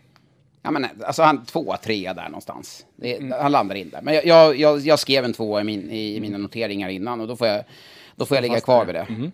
Ja, du kan ju inte följa mitt. Nej, exempel. verkligen inte. Ska vi eh, ha lite mm, sagostund och högläsning av ett citat? Det tycker jag. Han är en sån spelare som kan allt. Han har visat vad han kan offensivt i SHL. Samtidigt är han ingen rolig spelare att möta. Snabb och stark och han ger sig aldrig. Han har det mesta. En väldigt bra styrka som hockeyspelare och något få har. Han kan spela i första femman precis som i andra, tredje och fjärde. En fantastisk kvalitet han har. Jag tycker han gjorde det väldigt bra förra säsongen, det måste jag säga. Vem sa det här tror du? Det är väl eh, Jakobsson, Nej, Penneborn. nej, nej, en NHL-spelare som kanske är lite part i målet. Ja, Mackan. Ja. ja. Nej, men Ja, det är om sin- dåligt det är som- samvete när jag satte en tvåa om- på ja, men Det är om sin brorsa. Jag kanske var mer influerad. Jag pratade med Marcus i måndags, så det var inte så länge sedan. Eh, Men det var, en, det var en fin hyllning till sin bror, så får man ju ändå säga. Ehm, Ja, men alltså, jag, jag, 21 fan, skulle poäng, kanske- 10 mål. Absolut. Vad kräver du för en trea? Jag vet, men en, Jens Westin, han behöver inte göra kul eller ja, men en defensiv back, det Ja. ligger varmt om hjärtat. Defensiv får, ja. Nej, men alltså, nu, nu mår jag dåligt. Det är klart att fan, han skulle haft en trea. Men jag har ju satt en tvåa i mina Ja. Mm. noteringar och jag har ju svårt att argumentera mot din trea. Alltså som du säger, han...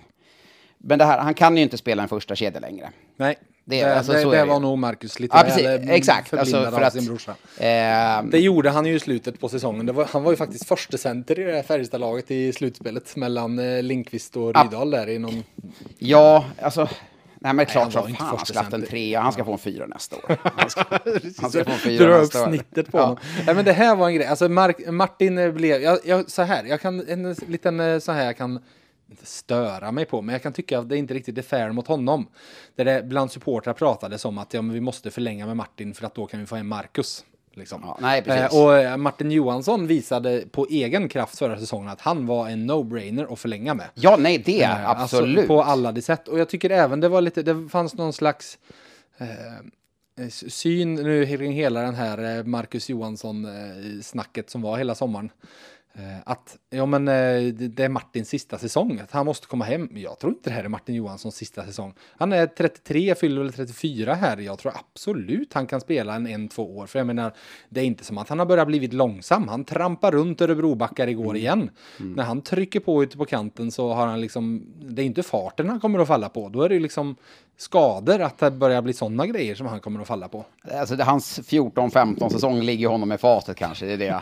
24 mål, 22 assist, 46 poäng, 54 matcher i Örebro. Mm. Eh, Det, det sen dess har du inte... Nej, men då har man ju... Då- nej, då har du- men då är vetat klart, var taket är. 10 plus 11 i den rollen hade i fjol. Och gör ju egentligen... Han var ju typ tredje center. Ja, men han gör ju ingen dålig match, du förstår du. Han, han jobbar hårt, han kämpar, sliter, spelar bra.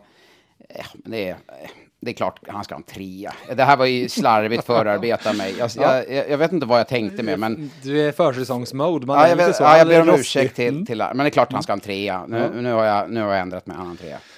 Han, oj, oj, oj, okej. Mm, det- Ja, men det, kan är klart. Ja, alltså, ju mer jag tänker på det, dummare känner jag mig. Så att, Ja, eh, okej. Mm. eh, Vet du, jag, jag skrev en krönika eh, med Per Åslund-förhandlingen att Per Åslund är bra på många saker, men han är inte bra på att förhandla kontrakt med Färjestad och Färjestad är inte bra på att förhandla kontrakt med Per Åslund. Färjestad är väldigt bra på att förhandla kontrakt med Martin Johansson och Martin Johansson är väldigt bra på att förhandla kontrakt med Färjestad. Det känns som att Eller, de- eller att Per Åslund är jävligt bra på att förhandla Ja, kontrakt. exakt, det Eh, och Martin är väldigt dålig på att förhandla kontrakt. Vi vet Martin kanske är för... Nej men så här, det känns som att de kommer överens väldigt lätt. Eh, varje gång. Och han är så himla mån om att... Eh, om att vara och bo här och spela här. Eh, det betyder mycket för honom. Eh, vad tror du om återföreningen? Tror du att den kommer att ske? Det finns en äldsta dotter, Mila, som är fem och ett halvt år till Marcus Johansson. Hur börjar man tänka när man kommer upp i den åldern? Alltså, nu, Marcus ska ju spela i Seattle, liksom lite nytändning. Ett billigt, förhållandevis billigt kontrakt om man kan säga det. Går inte de till slutspel skulle något lag kunna trada till sig. Seattle skulle kunna behålla en del av lönen för att han får något, får något bra draftval. Så. Eh, vilket gör att han har ju kanske inte en stor chans att vinna med Seattle. Nej. Men han, potentiellt, om inte Seattle går bra, så skulle han kunna bli tradad till ett, något lag och gå in i en tredje kedja, typ som han gjorde i Boston. Eh, det blir en chans för honom att studsa tillbaka. Jag håller ju Mackan högt alltså, som, som spelare. Jag gör ju det forts fortsatt. Det är en av dem du verkligen spelade med. Ja, precis. Ja, eh, jag håller ho- honom högt som spelare, för han är smart och duktig i spelet. Och NHL är ju väldigt fixerat vid poäng, eh, mer än vad vi är här hemma, långt mycket mer. Eh, och poängmässigt har han inte gjort mm, framförallt någon bra säsong i fjol där i Minnesota och skadad och så. Men jag tror att han kan stötta tillbaka. Jag tror inte att han kommer komma hem nästa år. Nej. För den här säsongen kommer han göra en bra sesse och eh, kanske bli tradad och få ett, en liten revival i NHL. Mm. Ja, vi får se. Hur, eh, för det, det lät ju faktiskt på Marcus som att han innerligt vill spela med brorsan. Så samtidigt så... eh, Ja, Ja, men det är klart, man, klart vad han ska vill han spela säga? med. Men vad ska han säga också då? Ja, men det är klart han vill du spela med brorsan. Nej, Alltså, jag är- inte ett dugg sugen. Alltså det lockar Nej. ingenting att Nej. spela med Martin. Nej, men det är klart. Alltså, han har vunnit SM-guld. Eh, båda har gjort det. Eh, Martin gånger två och Mackan en gång. Eh, Men det är klart att de vill spela tillsammans. Men skulle han få möjlighet att, att vara en contender där borta och, och göra en bra säsong i år och signa någonstans typ Tampa, förstår du? Mm. Det är klart att det väger nog tyngre än att spela med brorsan. Ja, absolut. Nummer 31, Karl Jakobsson. I fjol satte vi båda varsin tvåa på honom. Trea. Jag har Eh, stannat på två. va? Mm, varsågod kör. Men han var ju... en- Du får alltså- väl se ifall du kan övertala mig. Nej, men han, vadå, han var ju en av de, eh, alltså under säsongen i fjol var ju eh, den kedjan en av de bättre kedjorna. Ja, det var den. Tänker man då inledningen av säsongen, eh, liksom Widerström, eh, Bäck och Karl Jakobsson. Ja, Karl Jakobsson gjorde ju några riktiga highlight och mål där, tryckte sig förbi, fart. Alltså, jag vet inte hur jag ska känna, men jag upplever nog liksom att många har den här, jag säger inte att du har det, men kanske ett, just namnet, just att pappan har den rollen han har, att han har fått den chansen på grund av det. Alltså jag lägger inga värderingar i det, men jag tror att många tänker så och kanske inte ser just det han har bidragit med. Han bidrar ju med väldigt mycket fart, tycker han tuffade till sig, kom mer på insidan under säsongen i fjol, eh, utnyttjade, kom till skott, skapade chanser, men fyllde en viktig roll. Ja, han kanske inte ska spela powerplay eh, som han gjorde i fjol. Det, det är kanske är en övermäktig roll för honom nu. Det kommer han inte göra den här säsongen, utan nu är han ju bofast i den fjärde kedjan. Jag tror att den rollen, det är kanske den rollen han får väx, eh, har vuxit in i och bli. Han blir inte en topp tre, topp två kedjespelare. Men i den rollen så gör han det jäkligt bra, tycker jag. Så för mig var det en no-brainer, en trea, med all respekt för Martin som jag satt en tvåa på, vilket jag skäms för än, än idag tänkte jag säga. Det var bara några, no, en, några minuter sedan jag sa det. Men, eh, nej men för mig, jag, jag, alltså, det var, det var en given trea faktiskt. Jag har skrivit eh, längst ner i mina noteringar nära en trea. Så att jag, eh, det var ju givetvis Mm. Vad fattas för en på. trea då? Nej men så här. Jag, det, det, vi tar resan. Alltså sex poäng första året, nio poäng eh, året innan. Och jag vet vi pratade i fjol om, att han kanske kan göra en 15 poäng. Han Mm. gjorde 18. Eh, så att eh, där fortsatte han väl liksom. Sen, det, det är lite svårt kan jag känna. Det pratades i fjol mycket om att nu ska han i lagbygg som var då ta en mer offensiv roll. De testar ju honom i lite högre upp eh, i kedjor. Eh, och där levererade han inte, utan han levererade när han fick spela med sin kompis Oscar i fjärde kedjan och de två fungerade väldigt bra ihop. Och det jobbet, absolut, jag... Eh, det blir pinsamt att jag liksom har samma argumentation som du hade, för jag börjar tycka att du hade rätt. Ja. Snarare att jag. Nej men. Och jag, jag tror att de, de eh, han, alltså han är supernyttig. För jag, jag, jag, ja, mm, supernyttig i just den formationen. Du hör supernyttig tvåa. Ja, supernyttig tvåa. Eh, det är lite det här med rollen och hur man tänker, eh, tänker att tänker hur nöjd han kommer vara med sin roll. Alltså det pratades i fjol om det. Eh, hur Jo, men det är ju att- bara... eh, vi Alltså, kommer komma till en annan i fjärde kedjan som liksom han köper sin roll. Ja, men det är ju- 100, eller då Martin Johansson för den delen. Han köper den rollen till 110 procent. Jo, men Karl Jakobssons då, eh, köp den här rollen och chansen att vinna SM-guld, det är Ja. det. Eller gå till Oskarshamn med all respekt för dem, eller Mm. kanske något lag eh, lite längre ner i eh, liksom, Mm. hierarkin och kanske få en, en, en större roll där. Eh, men eh, det är ju åt, åt, eh, liksom, det är den utmaningen. Börjar han sura, jag känner inte honom fem öre, skulle han börja sura och tycka att han får spela fjärde, Mm. då är det bara att ta i hand och tacka. Okej, då f- plockar vi någon annan spelare istället. För att det är den rollen han ska ha i det här laget. Sen tror jag Mm. Ja, att... visst. Han kanske, kommer- han kanske förstår det och känner det. Att Ja, men det- alltså, ja. Men titta på laget. Alltså, vem, vem, liksom, Nej, vem det ska går han plocka inte. bort? Alltså, de är i eh, topp 9, det går liksom nej, inte. Då är det nej. att man ska tycka att Per Åslund har gjort sitt. Eh, och att han ska ner och, och gnugga, vara gnuggspelare i en fjärde kedja. Mm. Det känns ju svårt att Karl Jakobsson ska göra mer än de poängen han gjorde i fjol i det här laget. Alltså gör han 18 poäng igen så tycker jag han gjort det jättebra. Du har rätt, han ska ha en trea. Nu går vi vidare till nästa spelare. Mikael Lindqvist, nummer 34. Eh, Ska du börja? Jag har satt en fyra. Jag satte femma. Jag är lite, det här är verkligen Sannys kärleksförklaring till Färjestad här podden. Ja, men jag sa ju det innan. Ja, vi satte i fjol femmer eh, Mm. båda två. Och givetvis var, eh, ja. Ska jag börja då så får du säga varför jag har fel sen. Jag tycker inte han var en femma förra säsongen. Det, Mm. Det- är, det, det är min argumentation. Ja. Eh, Den, är, eh, kan jag inte, eh, den kan jag inte säga emot. Nej tack, då går vi Men vidare. jag kan, Då tar vi förklara, jag kan förklara varför det inte var en femma då. Ja, ska jag förklara? Nej, jag kan förklara Ja, varför. Alltså, v- v- min, alltså, kom tillbaka efter en tuff knäskada. Korsbandet, jag har pajat korsbandet två gånger. Jag vet rehabiliteringen, hur det- tar tid att komma tillbaka. Han kom alltså tillbaka till premiären mot Luleå. Och man förväntar sig då att han ska komma in och leverera. Liksom, Han ska vara Mikael Lindqvist.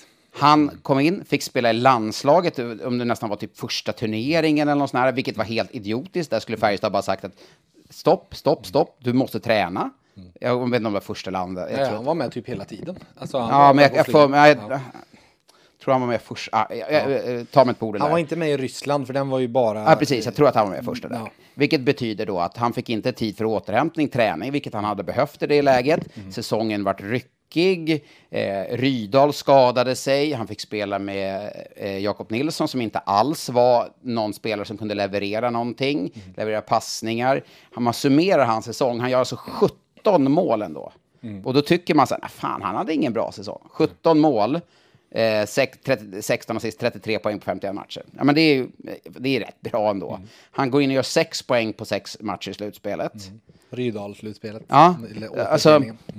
han hade ju ingen draghjälp. Det som var, som jag gjorde ofta, när jag minns jag gjorde en analys på Simor, var han, vi gjorde en via graf och, och sån här grafik och så, hur han många gånger han tog in pucken och var, jag tror till och med var han fick uppspelen.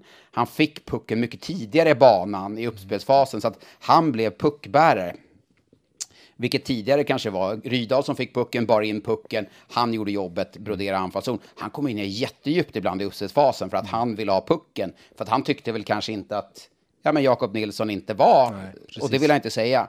Sen någonting som, som jag bara, jag fick höra lite, eh, det surras inför väggarna där, att han, han var lite frustrerad. Liksom, vad kan vi göra? Vilka vill du spela med ungefär? Liksom så. Att det var en, liksom, vi vill hjälpa dig. Så det spelar ingen roll vilka jag spelar med, det är bara mig själv det handlar om. Han la inte ansvaret på någon annan och sa att fan, den spelaren spelar inte, jag kan inte spela med den, utan jag måste vara bättre. Och det för mig signalerar någonting, liksom en jävla självkritik och så. Men han, med hans korsbandsskada, kom tillbaka, fick inte träning, det var ett ryckig säsong, spelare runt omkring honom blev skadade, ingen kontinuitet där. Eh, Så tycker jag ändå att eh, femma är fan befogat med tanke på vad han har gjort historiskt, liksom, de här säsongerna han har varit i Färjestad eh, sedan 17-18. Ja, du har rätt. Nej. Nej, nej, nej, men alltså jag... Nej, men alltså, och det, det är väl precis hur man avvägningen man gör mellan vad han faktiskt gjorde förra säsongen. Sen kan man väl lätt sätta fem plus på någon som är 17 mål bara för det. Nej, men man har ju höga förväntningar på Ja, men det är Alltså- ju det. Alltså, Mikael Lindqvist är nästan en 6 plus-spelare i SHL. Alltså, Mm. Det är ju nästan eh, Glenn Hussein på Wembley-klass på Mm. honom. För att så sinnessjuk han har varit. Alltså, vi pratar om den här effektiviteten med skott. Alltså, han, han låg fram till förra säsongen på typ 21 drygt Mm. i effektivitet. Över alla år i SHL, vilket är liksom... Nej, det, det Det, det är så sinnes. Och sen förra säsongen så var han plötsligt lite mänsklig. Alltså han sköt 12-41 hela förra säsongen. Din simor kollega Erik Wilderoth där på Hockeylabbet, eh, han hade ju med podden och det var eh, en av, eh, som jag bar med mig, hur han märkte att plötsligt tog Mikael Lindqvist skott från längre avstånd Mm, förra det, säsongen. stämmer. Otroligt intressant grej. Eh, och även att han hade inte riktigt, han drog slutsatsen och det är lätt att dra den, att han inte riktigt samma fart. Det är klart att Mikael Lindqvist kan ju bära upp puck, men han hade ju inte riktigt, alltså han var inte i toppskick. Jag gjorde en stor intervju med honom inför slutspelet där han lättade på hjärtat och berättade om hur säsongen har varit och det var ju liksom han har varje, han har liksom fått stått över träningar för han behöver vila inför matchen. Han har liksom fått anpassa träningar för att komma i spel till match. Han missar ju typ inga matcher, men det var liksom hela tiden en eh, ja, men hanka sig fram för att, att komma dit. Eh, därför så var det en av, jag var nyfiken på nu när de drog igång och han var med, liksom, för nu var han med för fullt från första träningspasset och spelade matchen igår och så här mot fjolårets osäkerhet inför säsongen. Och nu tycker han ju att nu är det på ett annat sätt liksom. Eh, så Ja, nej, det är klart att samma sak där, samma som Jens Westin, han spelar med smärta hela förra säsongen. Men så- Eh, och det är klart att det, det Summa summarum, skulle du slå ut det på kanske mer som jag har gjort, vad han har gjort på övertid över tid så är det en femma. femma. Mm. Men ser man på säsongen i fjol, det kanske var ett treamässigt, alltså så egentligen. Men jag, jag tycker ändå det, för mig är det liksom en, det är ju en klassspelare i, Mm. i SHL som inte skulle ha spelat här om han inte hade varit skadad, Nej, eh, inlett säsongen skadad i fjol. Då hade han varit i, ja, i schweiziska ligan eller, jag vet ju, det var Precis. ju klubbar som ringde mig i början av säsongen och jämförde honom med andra spelare i SHL och vad honom ska vi ha. Och så när de ringde på slutet av säsongen så var det kanske andra spelare hade gått ja, förbi. precis. För att han då inte hade haft den säsongen just som jag bara kan tillskriva det. Han blev ju ingen dålig spelare i fjol. Nej. Det är klart att han var präglad av den knäskada som jag själv har erfarenhet av och vet hur Kommer jävla man, tuff den kommer är. man tillbaka då? Så finns Såg du på möjligheten mig? att han... Du såg ju på mig. Ja. Nej, men alltså finns möjligheten att han hittar den där lilla extra snabbheten nu? Det tror jag. Ja. Nu har han Det är, kunnat... inte, alltså- det är inte kroniskt liksom, utan det är en väg tillbaka. Nej, men lek, lek med tanken att i fjol, eh, under hela sommaren, så, så kunde han inte köra benböj till exempel. Han kunde inte köra explosiva benböj under hela sommaren. Eh, vilket betyder att då tappar du lite den edgen. Han kanske inte kunde hoppa på hela förra sommaren. Och liksom, han kanske kunde hoppa lätt men inte trycka ifrån. Det kan han ju göra nu, för nu är ju knät återhämtat. Ja, så ba, bara den saken, den snabbheten, den lilla liksom studsen extra, den kan han ju träna upp nu. Sen, sen säger man ju att när du har gjort en knä, knäoperation så kan du ju tappa i eh, muskelprocent. Jag, jag gjorde två knäoperationer för det inte varit riktigt bra. Var andra gången tog jag från baksida lår. Då tappade, sa de ungefär att man tappar 8-10 procent i styrka i baksida lår. Men det var ingenting som, som jag kände så hämmade mig i mitt spel. Sen har man ett knäskydd. Kanske inte var riktigt bekväm med det. Han kommer förmodligen behöva ha det, men det kanske inte var bekväm med det i inledningssäsongen. Det var, det var rörigt helt enkelt för honom. Men nu, ja, han är ju 20 plus mål, det är, det är nästan en garanti kring han känns det som. Sista bytet när de jagade mot Örebro där i, i första Ja. träningsmatchen. Det, det var lite sån här, just det, det är ju så här det ser ut när Lilly står på ena kanten och han, han flippar över till Mikael Lindqvist. Läge på läge på läge på läge. Ja, nej, så skottlägen kommer han få. Nummer 59, Linus Johansson. Jag har, alltså det här handlar ju om självbevarelsedrift, du förstår ju det. Eh, Alltså med tanke på tidigare poddar där vi har satt betyg på Linus Johansson och alltså dina kärleksförklaringar som du har gett till honom. Alltså det är ju det är nästan att min kärlek till Brian Gibbons bleknar i jämförelse med hur, hur du gillar Linus Johansson. Så alltså med rädsla för att du annars skulle resa dig upp och gå här ut ur rummet fall jag inte satte en femma så sätter jag en femma på Linus Johansson. Ja, men det, nej, men det har jag också gjort. Jag kommer ihåg vi pratade om honom när han kom från Djurgården, vilket han hade haft liksom en, mm, okej, jag har gjort det bra i Djurgården, men jag har för mig att jag satt en femma på honom redan då. Absolut, såklart. Eh, och eh, jag stötte på lite hånfulla för att han inledde inte säsongen superbra den, det första året. Eh, så, men eh, med råge har jag fått tillbaka det av mina, mina hockeyintresserade vänner här i Karlstad. Eh, som som eh, håller Färjestad varmt om hjärtat. Men det är bara att återknyta till den match 7 mot Djurgården, semifinalen 2019 var det va? Japp. Linus Johansson skadades i match 6, hjärnskakning. Eh, För övrigt, en, en sån där liten hjärnskakningstanke. Alltså hur, hur sjukt det är att han, klar, för det var en ganska rejäl smäll han fick mot Ja, ja. huvudet. Hur sjukt det är att han liksom mådde bra efter den smällen. Och att så små smällar kan ge bara nej, absolut. allt över. Men jag skulle vilja- veta hur han egentligen mådde. Ja, okej. Hur mycket stänger man ute för att man vet att det är match 7 Hur mycket adrenalin mot pumpar. Djurgården, fullsatt hemmaplan, gamla laget. Eh, Ju- eh, Färjestad, eh, som alla vet, förlorade den matchen. Jag häv, hävdar fortfarande att man inte hade förlorat den om han hade varit frisk. Det säger liksom betydelsen av laget. Sen, med det sagt, så kommer ju han i en helt annan roll nu än senast han var här. Alltså en helt annan roll. Hur tänker du då? Men- då hade han liksom en viktig roll i powerplay, framför mål, må, tog ut målvakten 6 mot 5. Han var liksom go-to guy. Kollar man nu då, ska han, kommer han spela powerplay? Det här är ju den, en av de stora eh, utmaningarna. Och då ska jag citera vad han sa. Mm, ja. När du, du var, tror jag du som gjorde intervju med honom i VF. Ja, exakt. Min huvud, huvuduppgift är- är att visa glöd varje dag, så ofta som möjligt pusha både mig själv och alla andra när det väl gäller. Eh, se till att vi offrar oss för varandra. Mitt mål är att göra min omgivning bättre och visa det med styrka och oräddhet, oräddhet på planen. Alltså det här är då om man ska få liksom spela powerplay och så.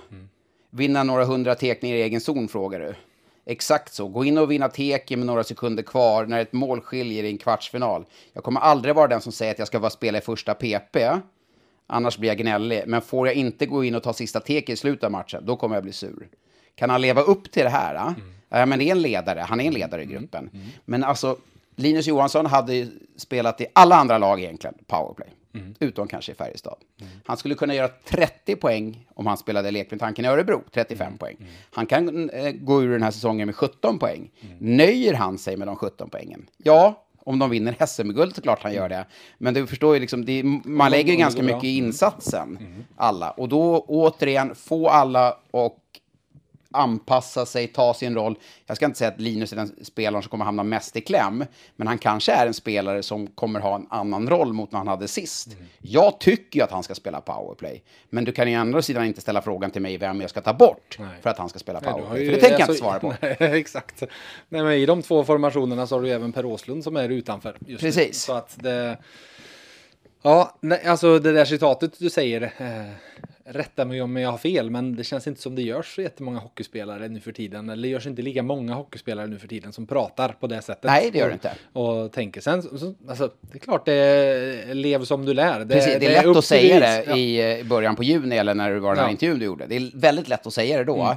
men sen när det blir kritiskt läge, du känner powerplay, hackar, mm. du, du vill liksom, mm. alltså du vill vara den spelaren. Det är klart att alla spelare vill vara den som gör avgörande ja, det, målet. Ja, jag menar, jag ville vara den spelaren, men jag insåg ju att det kommer det så kanske inte vara. Nej. Men då, jag hade ju en Men du var roll. ju inte det innan, alltså det är ju det Nej. du säger.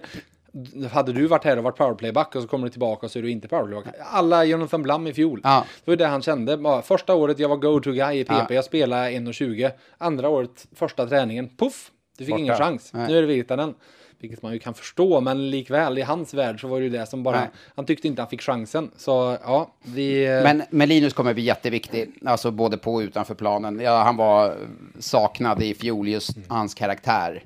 Eh, så att eh, det ska bli intressant att se eh, om man hittar liksom kemi, mm. Åslund, Ejdsell som var inne på när vi pratade om Ejdsell och Åslund där, den kedjan skulle kunna bli oerhört tunga och möta och ja, fyra stora triumfer. Mm. Ja, men eh, för det, ett eh, Linus Johansson citat från några år sedan som har etsat sig fast, eh, som jag ofta brukar återkomma. Linus Johansson gillar att spelare som han citat sa är starka på puck. Mm. Han gillar lagkamrater som är starka på puck. Eh, det känns som att det är en drömomgivning så sett. Han i, i den där formationen. Sen är det, när den där trion kommer ner i zon, då kommer de att vara jobbiga att ha att göra med. Sen är det klart att det finns inte riktigt, det är inte den här transportera puck genom, offens genom mittzon med världens eh, rapphet-formationen. Eh, utan det, de behöver lite tid för att komma upp i fart. Samtidigt ja. är Linus duktig på att transportera puck. Absolut. På sitt sätt. Mm. Eh, det är bara att han, det ser inte ut som det går lika fort som det gör. Så nej, det, det känns som att det, han, han borde trivas i alla fall mot vad han har sagt för eh, med dem. Nummer 67, Pontus Widerström. Eh, jag satt en trea på honom också, just utifrån den rollen han har i Färjestad. Hur viktig han är. Eh, när du har mycket finlir, alltså du har ju klart tuffhet också i, i en del spelare, Rydahl, Delaros och, och, Linus till exempel, för att nämna några. Mm. Men just Widerström, hur viktig han är, liksom sätta an tonen, börja med en fjärde kedja, få ner pucken, liksom smälla på lite som Rögle gjorde med Adam Edström-kedjan i fjol under i stort sett hela slutspelet och skördade framgångar. Eh, så är han viktig. Sen verkar han vara en rätt skön lirare också. så här, han, ja, men upp och ner, höger, vänster. Nu kör vi grabbar. Ja, liksom, är det, vad är det för dag idag? Är skorna knutna eller är de på rätt fot? Det verkar liksom, han bara går ut och kör liksom. Ja. Så. Eh, så att, eh, han är ju typ den här, vad fan du har inga skridskor med, jag bara kör ändå. Nej, lite så. Lite så. Men, eh, nej, men i det här laget så, så fyller en viktig roll. Skulle han till exempel ja, men, varit i något, Djurgården så kanske han bara hade varit en tvåa. Mm. Eller liksom något, något, annat lag, Leksand till exempel. Men i det här lagbygget, i den rollen han har, så håller jag honom som en trea. Vi var båda i fjol rörande överens om att han var en tvåa. Mm. Eh, och jag tänkte nu, nu, nu kanske jag kommer sätta Sanny på plats när jag sätter en trea. Ja. Så kommer du in där och bara kör på. Nej, alltså man måste ju inte göra 30 poäng för att vara en bra SHL-spelare. Man kan ju vara bra på olika sätt. Eh, det, är, det är lite, lite lättare kanske med backar och tänka att de är defensivt starka backar än, äh, än en forward. Eh, man kan faktiskt ha andra roller och man kan vara riktigt bra i dem. Eh, underliggande siffrorna säger att Pontus Widerström är Färjestads bästa defensiv forward av, mm. av förra säsongen. Eh, rollspelarnas alltså rollspelare. Eh, och, alltså det är det här jag kände med Karl Jakobsson med att köpa den rollen och så som 21-åring. Köper man att man kanske inte får spela eh, så mycket och så vidare. Alltså Pontus Rydström skulle kunna spela fem minuter och inte klaga för fem öre. Han vet vilken spelare han är, han vet vad som förväntas av honom och precis där du säger, alltså en sån otroligt viktig spelare att ha i speciellt i ett lagbygge som Färjestads Vinter där man i princip har tre första kedjor och sen en fjärde kedja. Alltså, och alla de där första kedjorna de kommer vilja ha 15 plus minuter allihop. Mm. Det är inte mycket tid kvar till fjärde sen. Utan då krävs det sådana som, eh, som, som går in och kör. Var för mig, jag var inne på det tidigt, att det var den mest givna förlängningen att göra av allihop. För att Eh, lite förvånad att de inte, för de förlängde med ett år. Eh, lite förvånad att de inte gjorde den här Rydal-grejen som med honom för några år sedan när de skrev eh, treårskontrakt med honom på, på en låg lön och gav honom trygghet så sett. För att jag är helt övertygad om att Pontus Rydström kommer kunna vara nyttig. Alltså han, han, är inte så gammal, han är 27 år. Mm. Gjorde och två plus två på sex matcher i slutspelet.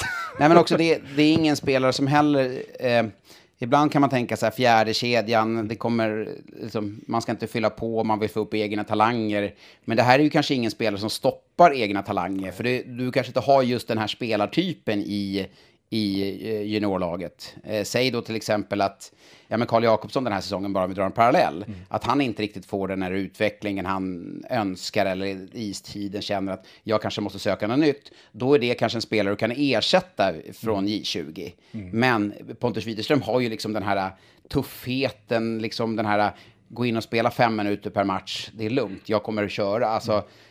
han, han bromsar inte upp juniorverksamheten på det sättet. Nej. Han... Det är ju inte de rollerna du ska plocka upp unga spelare i. Nej, nej, nej lite, lite, så, lite så. Sen är det klart, det kanske finns eh, någon spelare underifrån som har lite... Han där som var inne mot Frölunda och körde över någon... Ja, det var Alfred Bergman där. Alfred Berg... han, han, han och Pontus Widerström skulle nog kunna Ja, exakt. Varandra. det är väl han kanske då. Men alltså, missförstå mig rätt, så att det är liksom mm. kanske inte han, inte den som bromsar upp. Därför skulle jag också när de eh, skrev ett år så skulle du kunna skriva tre år med honom. Mm. För det är en spelare som du vet, du vet vad du får ändå. Han... Mm.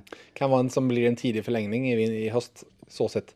Du sa i fjol, du sitter med en whiteboardtavla bakom dig, du sa att hans namn har man kunnat skriva in med spritpenna. ja, exakt. Han, han, är så himla gjuten ja. där. Och, och det hade man ju liksom, det, det, du pratade om ur ett laguppställningsperspektiv. Man, I mina ögon kan man verkligen, som du säger, man kan göra det ur ett lagbyggesperspektiv.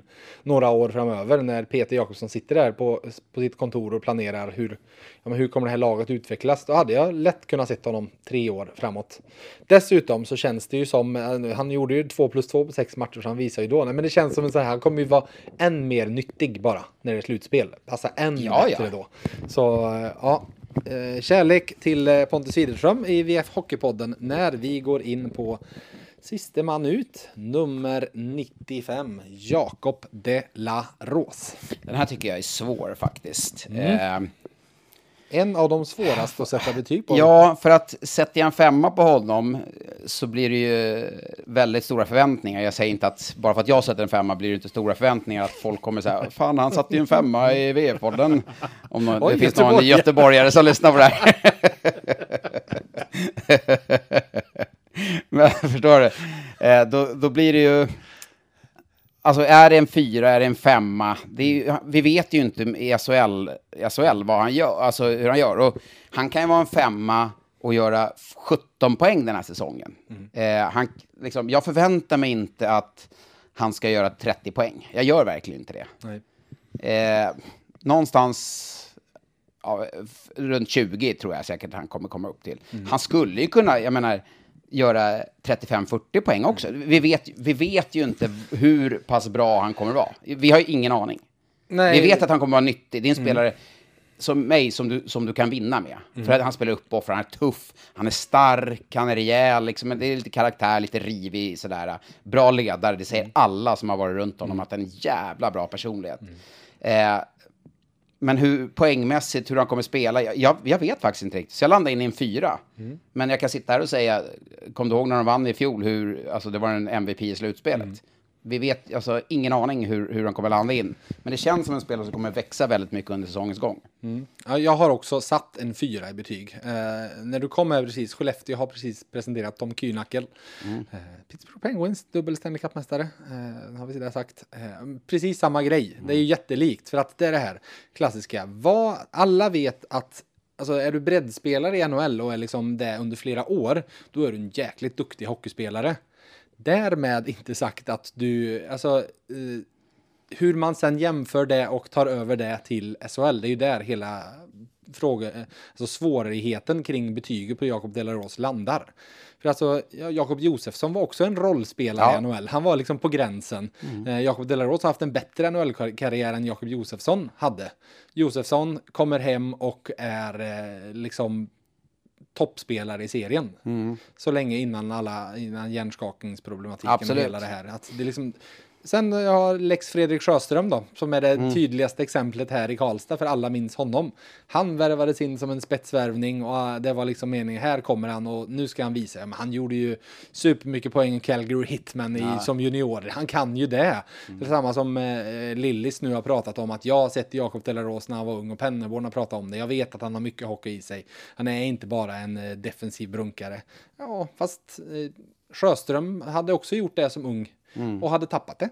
Mm. Alltså han hade inte det i sig längre. Han hade spelat så många år och spelat sarg ut att han inte visste hur man in, han visste inte längre hur man inte spelar sarg ut. Men då kan vi slå, nästan vara överens om att det här är en spelare som kommer växa under säsongens gång. Ja, det eh, hoppas ju Färjestad på definitivt. Jo, men alltså om vi tänker att då liten anpassningsperiod mm. för honom, eh, hitta dels sin roll i laget, hitta ytorna, eh, formation, alltså men med, med tanke på det laget du har så har du ju förmånen av att spelare kan växa in i lugn och ro. Mm. 2011 var det när Fredrik mm. Sjöström kom, då hade vi inte det laget att en spelare som Fredrik Sjöström var... skulle kunna växa in i lugn och ro. Det var ganska stora förväntningar på att han skulle leverera. Mm. Och sen, om man ska vara ärlig, så hade han inte växt in i det oavsett om han hade varit kvar hela säsongen eller året efter. Han gjorde ju inte det i Frölunda när han stack dit heller. Så, så att, eh, Slutade ju jättetidigt. Ja, ja precis. Mm. Så att eh, här har du ju förmånen att Alltså, du kan ha tålamod med en sån spelare. Det är ju kanske han själv som skulle då potentiellt kunna bli frustrerad om han själv inte tycker att han levererar eller mm. så. Men utifrån supporternas förväntningar eller klubbens förväntningar så tror jag att liksom är han som bäst i mars-april och nu är vi inne i maj också när slutspelet är mm. klart. Det är ju där någonstans hans liksom vad han kommer lämna efter sig den här säsongen, mm. man kommer minnas, det är just slutskedet av säsongen. Eh, så att det är jäkligt svårt att säga, men det skulle inte förvåna mig om han är bra i grundserien och skulle kunna vara MVP i hela slutspelet. Mm. Är du med vad jag menar? Mm. mm. Ja, nej, det är, och det, det, är lite det som känns som steget Färjestad tog mot slutet av sin silly season med Eh, vad, vad så det var ut med Jakob Nilsson som det hade varit väldigt svårt att hitta en eh, roll för i det här laget eh, sett till dem han skulle ha framför sig. Och in med Jakob Delaros som känns som en som, nu kommer han ju få börja och spela powerplay och det är nog viktigt symbolvärde att är, de visar det. det. det. Han var lite den du typ syftar på förut med argumentationen med Åslund. Att ja, men han måste du måste ge honom chansen först. Han måste spela sig ur, förstår ja. du? Alltså han ska han måste precis. Eh. Men, eh, ja, men likväl så känns det som det har kommit in lite spelare som, som faktiskt ska kunna vara som bäst när det ska, alltså det, det ska vara slut med att bara göra massa mål. Det ska börja vinnas också. Det ju. Och det är några som i alla fall sett till bilden man har på dem nu i det här som vi förstår kommer vara helt fel när vi, när vi ska summera. Nej men att det, de bör passa där eh, och givetvis alltså den där formationen den är den är saftig med Joakim Nygård på ena kanten och Daniel Wiksten på andra och Jakob Delaros i mitten. Det... Ja. Nej, men vi kan ju alltså, eh, nu vi kan ju konstatera att det är ett jävla lag de ställer på banan. En av tidernas starkaste forwardsuppsättningar i SHL skulle jag säga. Ja, du har ju Skellefteå där, ja. eh, 30 13, 14, de dubbla gulden. Mm. Där hade du också, du hade ju Viktor Arvidsson, som inte är vad Viktor Arvidsson var idag, men han var ju fortfarande en fruktansvärt bra spelare. Han var 13 forward. Ja, så att, eh, ja, nej, men det, alltså, alltså det, det, det, är den nivån vi pratar om. Så, eh, så att det är... Eh, det gäller att få, få ihop det också. Mm. Och nu, nu, sitter man här och, och funderar var man ska placera Färjestad. 1, 2, 3, 4. Alltså förstår du? Jag tror att det är ett lag som kommer växa under säsongens gång. Jag är inte helt säker på att det kommer att vara ett eh, självspelande piano från dag ett. Eh, Jag kan bara relatera till hur det var eh, när vi vann. Jag återkommer ofta till det för att jag vet utmaningarna. Då var det också ett, lite av ett drömlag som man hade byggt ihop med, med hemvändare likt, likt nu. Eh, och det tog jävligt lång tid innan det satt. Och det var, alltså, det var inte helt friktionsfritt kan jag säga i det omklädningsrummet innan alla hade hittat sina roller och så. Och då hade du en rutinerad tränare som Tommy Samuelsson eh, som liksom hade varit med. Eh, Penneborn hyser jag stor respekt för. Men det, är liksom, det här är ju... Tommy hade redan vunnit guld några gånger. Precis. Då. Det här är ju eh, Penneborns jobb att förlora. För att det som Peter Jakobsson och Stefan Larsson har gjort, de har ju satt sig ryggen fri. Liksom. Vi har byggt ett drömlag ut och leverera. De måste ju, Peter Jakobsson och Stefan Larsson måste ju också vinna guld. Det är ju det är några lagbyggen som de har byggt nu som inte har Exakt. gjort det. Så Så är det, det. det är lika mycket press på dem, men det de har gjort när de har satt ihop det här och gett ekonomi till det här laget, det är någonstans och, och lagt ryggen fri. Är du med vad jag menar? Att okej, nu är det ansvaret, jag förstår att det är en organisation, vinnande, det, man lägger inte ansvaret på en så, men det är ganska mycket press och, och fokus som kommer ligga på Pennerborn också. Det får ha respekt för. Det kommer bli en utmanande säsong för honom, även om jag ska vara tydlig att jag tror att Färjestad mår bra av hans ledarskap, som kan vara ganska tufft, vet jag, men lite rundare. Och det är ingen tillfällighet att många spelare vänder tillbaka just med Pennerborn som tränare. Det, det, jag tror inte det är en tillfällighet. Nej, det är det inte. Det, har, det är det många som har pratat om. Man brukar säga i NHL att en general manager där har, har visst många, han har ett par, tre tränarsparkningar, sen får han gå. Eh, typ så. Det känns som att, eh, ifall vi tar det i ett Johan, Penneborn-perspektiv, han har en, målva, en, eh, en, eh, ny målvakt och en defensiv back, det han. Ja. Någonstans där. De där två räddningsplankorna finns för honom för att fall vi ser på det här eh, ur, ur eh, analysperspektivet att det, det tror jag nog. Han skulle få en, en ny målvakt, han skulle få en defensivt stark rutinerad back. Sen. Därför hoppas jag också att man har tålamod, att man inte tror att det ska vara etta, tvåa, tre. Det, det är inget, alltså du ska, SHL, det är, det är en tuff liga. Alltså det är jäkligt tuff liga. Du åker inte och vinner matcher bara på beställning som du kanske gjorde, säger Färjestad när de var som bäst, när Färjestad, Linköping, HV71 och Frölunda var topp fyra. Det kunde man in, inför säsongen. Så visste du att det är topp fyra och det ska till jäkligt mycket för att något lag ska klämmas in där, alternativt de ska halka ut. Så ser det inte ut idag. Börjar du summera nu och kolla, det är åtta, nio lag som, som alltså är jäkligt bra. Och det är, av de åtta, nio så är det väl kanske sex som, som nästan skulle kunna sluta etta. Om man börjar liksom, så att med det sagt så tror jag inte att Färjestad kommer komma sexa i tabellen. Men om man inte hamnar ett eller tvåa eller kanske till och med trea, att man inte ska drabbas av panik då. Mm, exakt. Tålamod, tålamod, tålamod och tävling på slutet. Oj. Jag trodde vi skulle, hur länge vi hållit på, jag trodde vi skulle, hade någon sån här gräns, har vi snackat över två timmar så blir det ingen tävling, men det, det hade jag tydligen fel. Nej, nej, nej, nej, nej, nej, nej. 10, 8, 6, 4, 2 poäng. Jag är på jakt efter en hockeypersonlighet och när vi nu sitter nu så får du papper och penna. Så du får skriva så att jag verkligen litar på dig för vi vet ju hur du myglar och ändrar betyg allt eftersom Ja. mitt under resonemang. Då ska jag kanske lägga ner datan här också så att Ja, de tror att jag exakt, fuskar. Exakt. Är du redo? En hockeypersonlighet. Ja, så en hockeyperson, en människa som har med hockey att göra. På 10 poäng. Gjorde 50 poäng, varav 28 mål i division 3 som 16-åring. Slut på ledtråden. Jag 50 skriver poäng, ett namn, men jag, jag, på 28, varav 28 mål i division 3 som 16-åring. Vill du svara eller vill du ha 8 poäng? det, är, det är ju en rejäl chansning. Jag har ett namn, men jag kommer inte svara nu för jag vill inte göra bort mig. Det, det blir tävlingen så tråkig. Men jag hade det där på 10 poäng, men jag ska väl höra nästa. Mm, 8 poäng. Men en hockeyperson, då ska du sagt en hockeyspelare. Spelare, tränare, vad som helst. En person som håller på med hockey har med hockey att göra. Det kan vara vad som helst. Men varför säger du inte spelare då? Men för då kan, det ju, då kan jag ju direkt exkludera att det inte är en tränare. Förstår du? Du vill göra det så svårt som Ja, det är möjligt. klart. Så att det är en person som har med hockey. Det är inte ett lag. Det var där du Skulle det fick. kunna vara en funktionär? Nej, det skulle det faktiskt inte. Det skulle det faktiskt inte. Så långt ska vi inte dra det. Det är inte Rolf Björk. Det får du. Okej. Då stryker jag 10 poäng här. Precis. Rolf Björk som har hand om domarna i Lellers Arena. Om ni- Årets domarvärd, Ja, typ x antal Mm. gånger. Trevlig kar. 8 poäng. Började som 17-åring dubblera i trean och tvåan och vräkte nu in sammanlagt 40 mål och 93 poäng på de 45 matcher han spelade. Svarar du på 8 poäng eller vill du ha 6 poäng? Alltså det är så tråkigt. Jag har ju skrivit samma svar på 8 eller 10 och 8, men det är så otroligt tråkigt om jag kommer på på 6 att det är. Så jag, jag vill ha 6 poäng också. Okej. 6 poäng. Får året efter debutera i blågult efter att ha värvats av en SHL-klubb. Vi- visar var han än spelar att han har ett skott av sällan skådat slag. Jag svarar samma som på 10 poäng, men nu svarar jag på 6 På sex poäng. Och det, Mm, du känner dig trygg? Då kör vi då, 4 poäng så ser du, då har jag skrivit det här. Jag har bara skrivit e- e- efternamnet.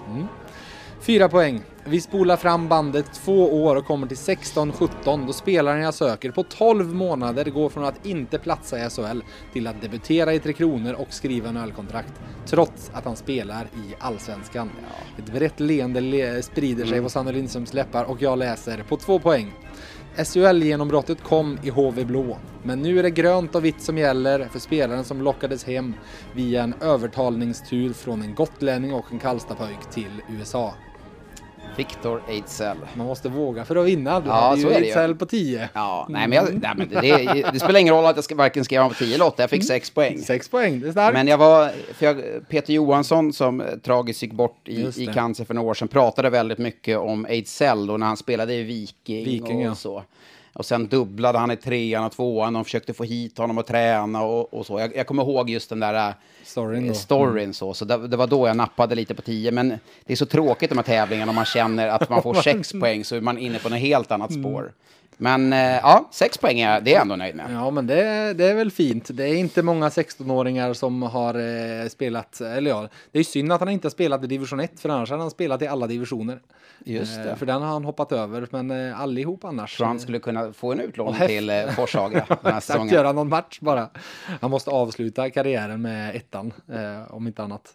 Häftigt även den där med dubbellicens och dubblera och spela i två lag samtidigt. Det är inte vanligt Det på seniornivå. För han Vil- spelar Viking och- Sunne och, Sunne- Viking. Så han spelade i tvåan med Sunne och Viking i division 3 och gjorde då alltså 93 poäng på 45 matcher som 17-åring i Ja, jag kommer och ihåg det här. Det var eh, ja, eh, Ja, läckert. Ja, det är det. Verkligen. Men eh, sex poäng. Jag tycker jag ger dig, eh, du får fem plus i betyg där nästan i alla fall. Tack. Ja, men det var kul Vi- att vara med. Då ja. får vi se om eh, de här femmorna är berättigade eller inte Mm. eh, under eh, säsongens gång. Men eh, helt klart så är det alltså det är det mest spännande laget som den här säsongen, om man säger så. Mm. Är ett lag som, du skrev ju att det var laget att slå, att kanske inte var Växjö som var laget Alltså, att slå. jag, jag tycker det på riktigt. Men det Jag här- tror fler hellre, hellre kommer vara lite mer taggade inför att möta Färjestad än för att möta Växjö. Ja, det, mm, ja det, det tror jag också. Det är ju ett, det är ett jäkla bygge de har satt ihop. Mm. Det är ju ett skrytbygge. Och det måste ta mig fan vara dyrare än laget 2011. Alltså det måste vara dyrare. Det laget du, ska var dyrt. du ska ju slänga in ett utköp på Jakob Nilsson också där mitt i allt. Ja, ja, men, Men det är eh, klart. det, alltså så här, det, vi, när man räknar på det, det, de, det är många dyra kontrakt som gick ut och de har ju framförallt, som Peter Jakobsson pratade om, de nu har har ju, du de lyssnat har för mycket på Färjestad. De har, är, nej, men de har det ändrat. ett det är ett svindyrt lag. klart det är. Men de har ju ändrat så här. Det är en väldigt mycket billigare backsida i år än vad det var i fjol. För att du har, du har, det har- ut, du har ut Blam, Måsik, Sebastian Eriksson, Linus Arnesson. Ja, men det är en dyrare forwardsida. Väldigt mycket dyrare. Så att det, ja, nej, det är klart att det är ett dyrt bygge. Och enligt, enligt dina planeringar en dyr målvakt och en dyr defensiv back på det här också. Defensiva backar är inte dyra. De ska De man aldrig, aldrig pytsa in pengar på. Lär dig det. Du, Sanne, stort tack att du återvände till VF Hockey även i, på din ordinarie plats och inte bara på eh, hoppa in-podden när, när det är silly hysteri. Exakt. Ja, det är alltid roligt att vara med. Det är en av försäsongens höjdpunkter. Ja, nu har du varvat upp eh, och eh, så drar ni igång. Ni skulle dra igång runt säsongspremiär, va? Med eran, tyckte jag mig se dig skriva. Ja, det blir väl Sanne och Svensson är tillbaka i år också. Kommer ut på måndagar när säsongen börjar. Så att, då har ni mycket att lyssna på framöver också. Ja, och ni som har så lite att göra på veckorna gör podd då varje vecka. Men VF Hockey återkommer varannan vecka hela vintern. Så vi hörs om ett par veckor igen. Tills dess, ha det gött, hej!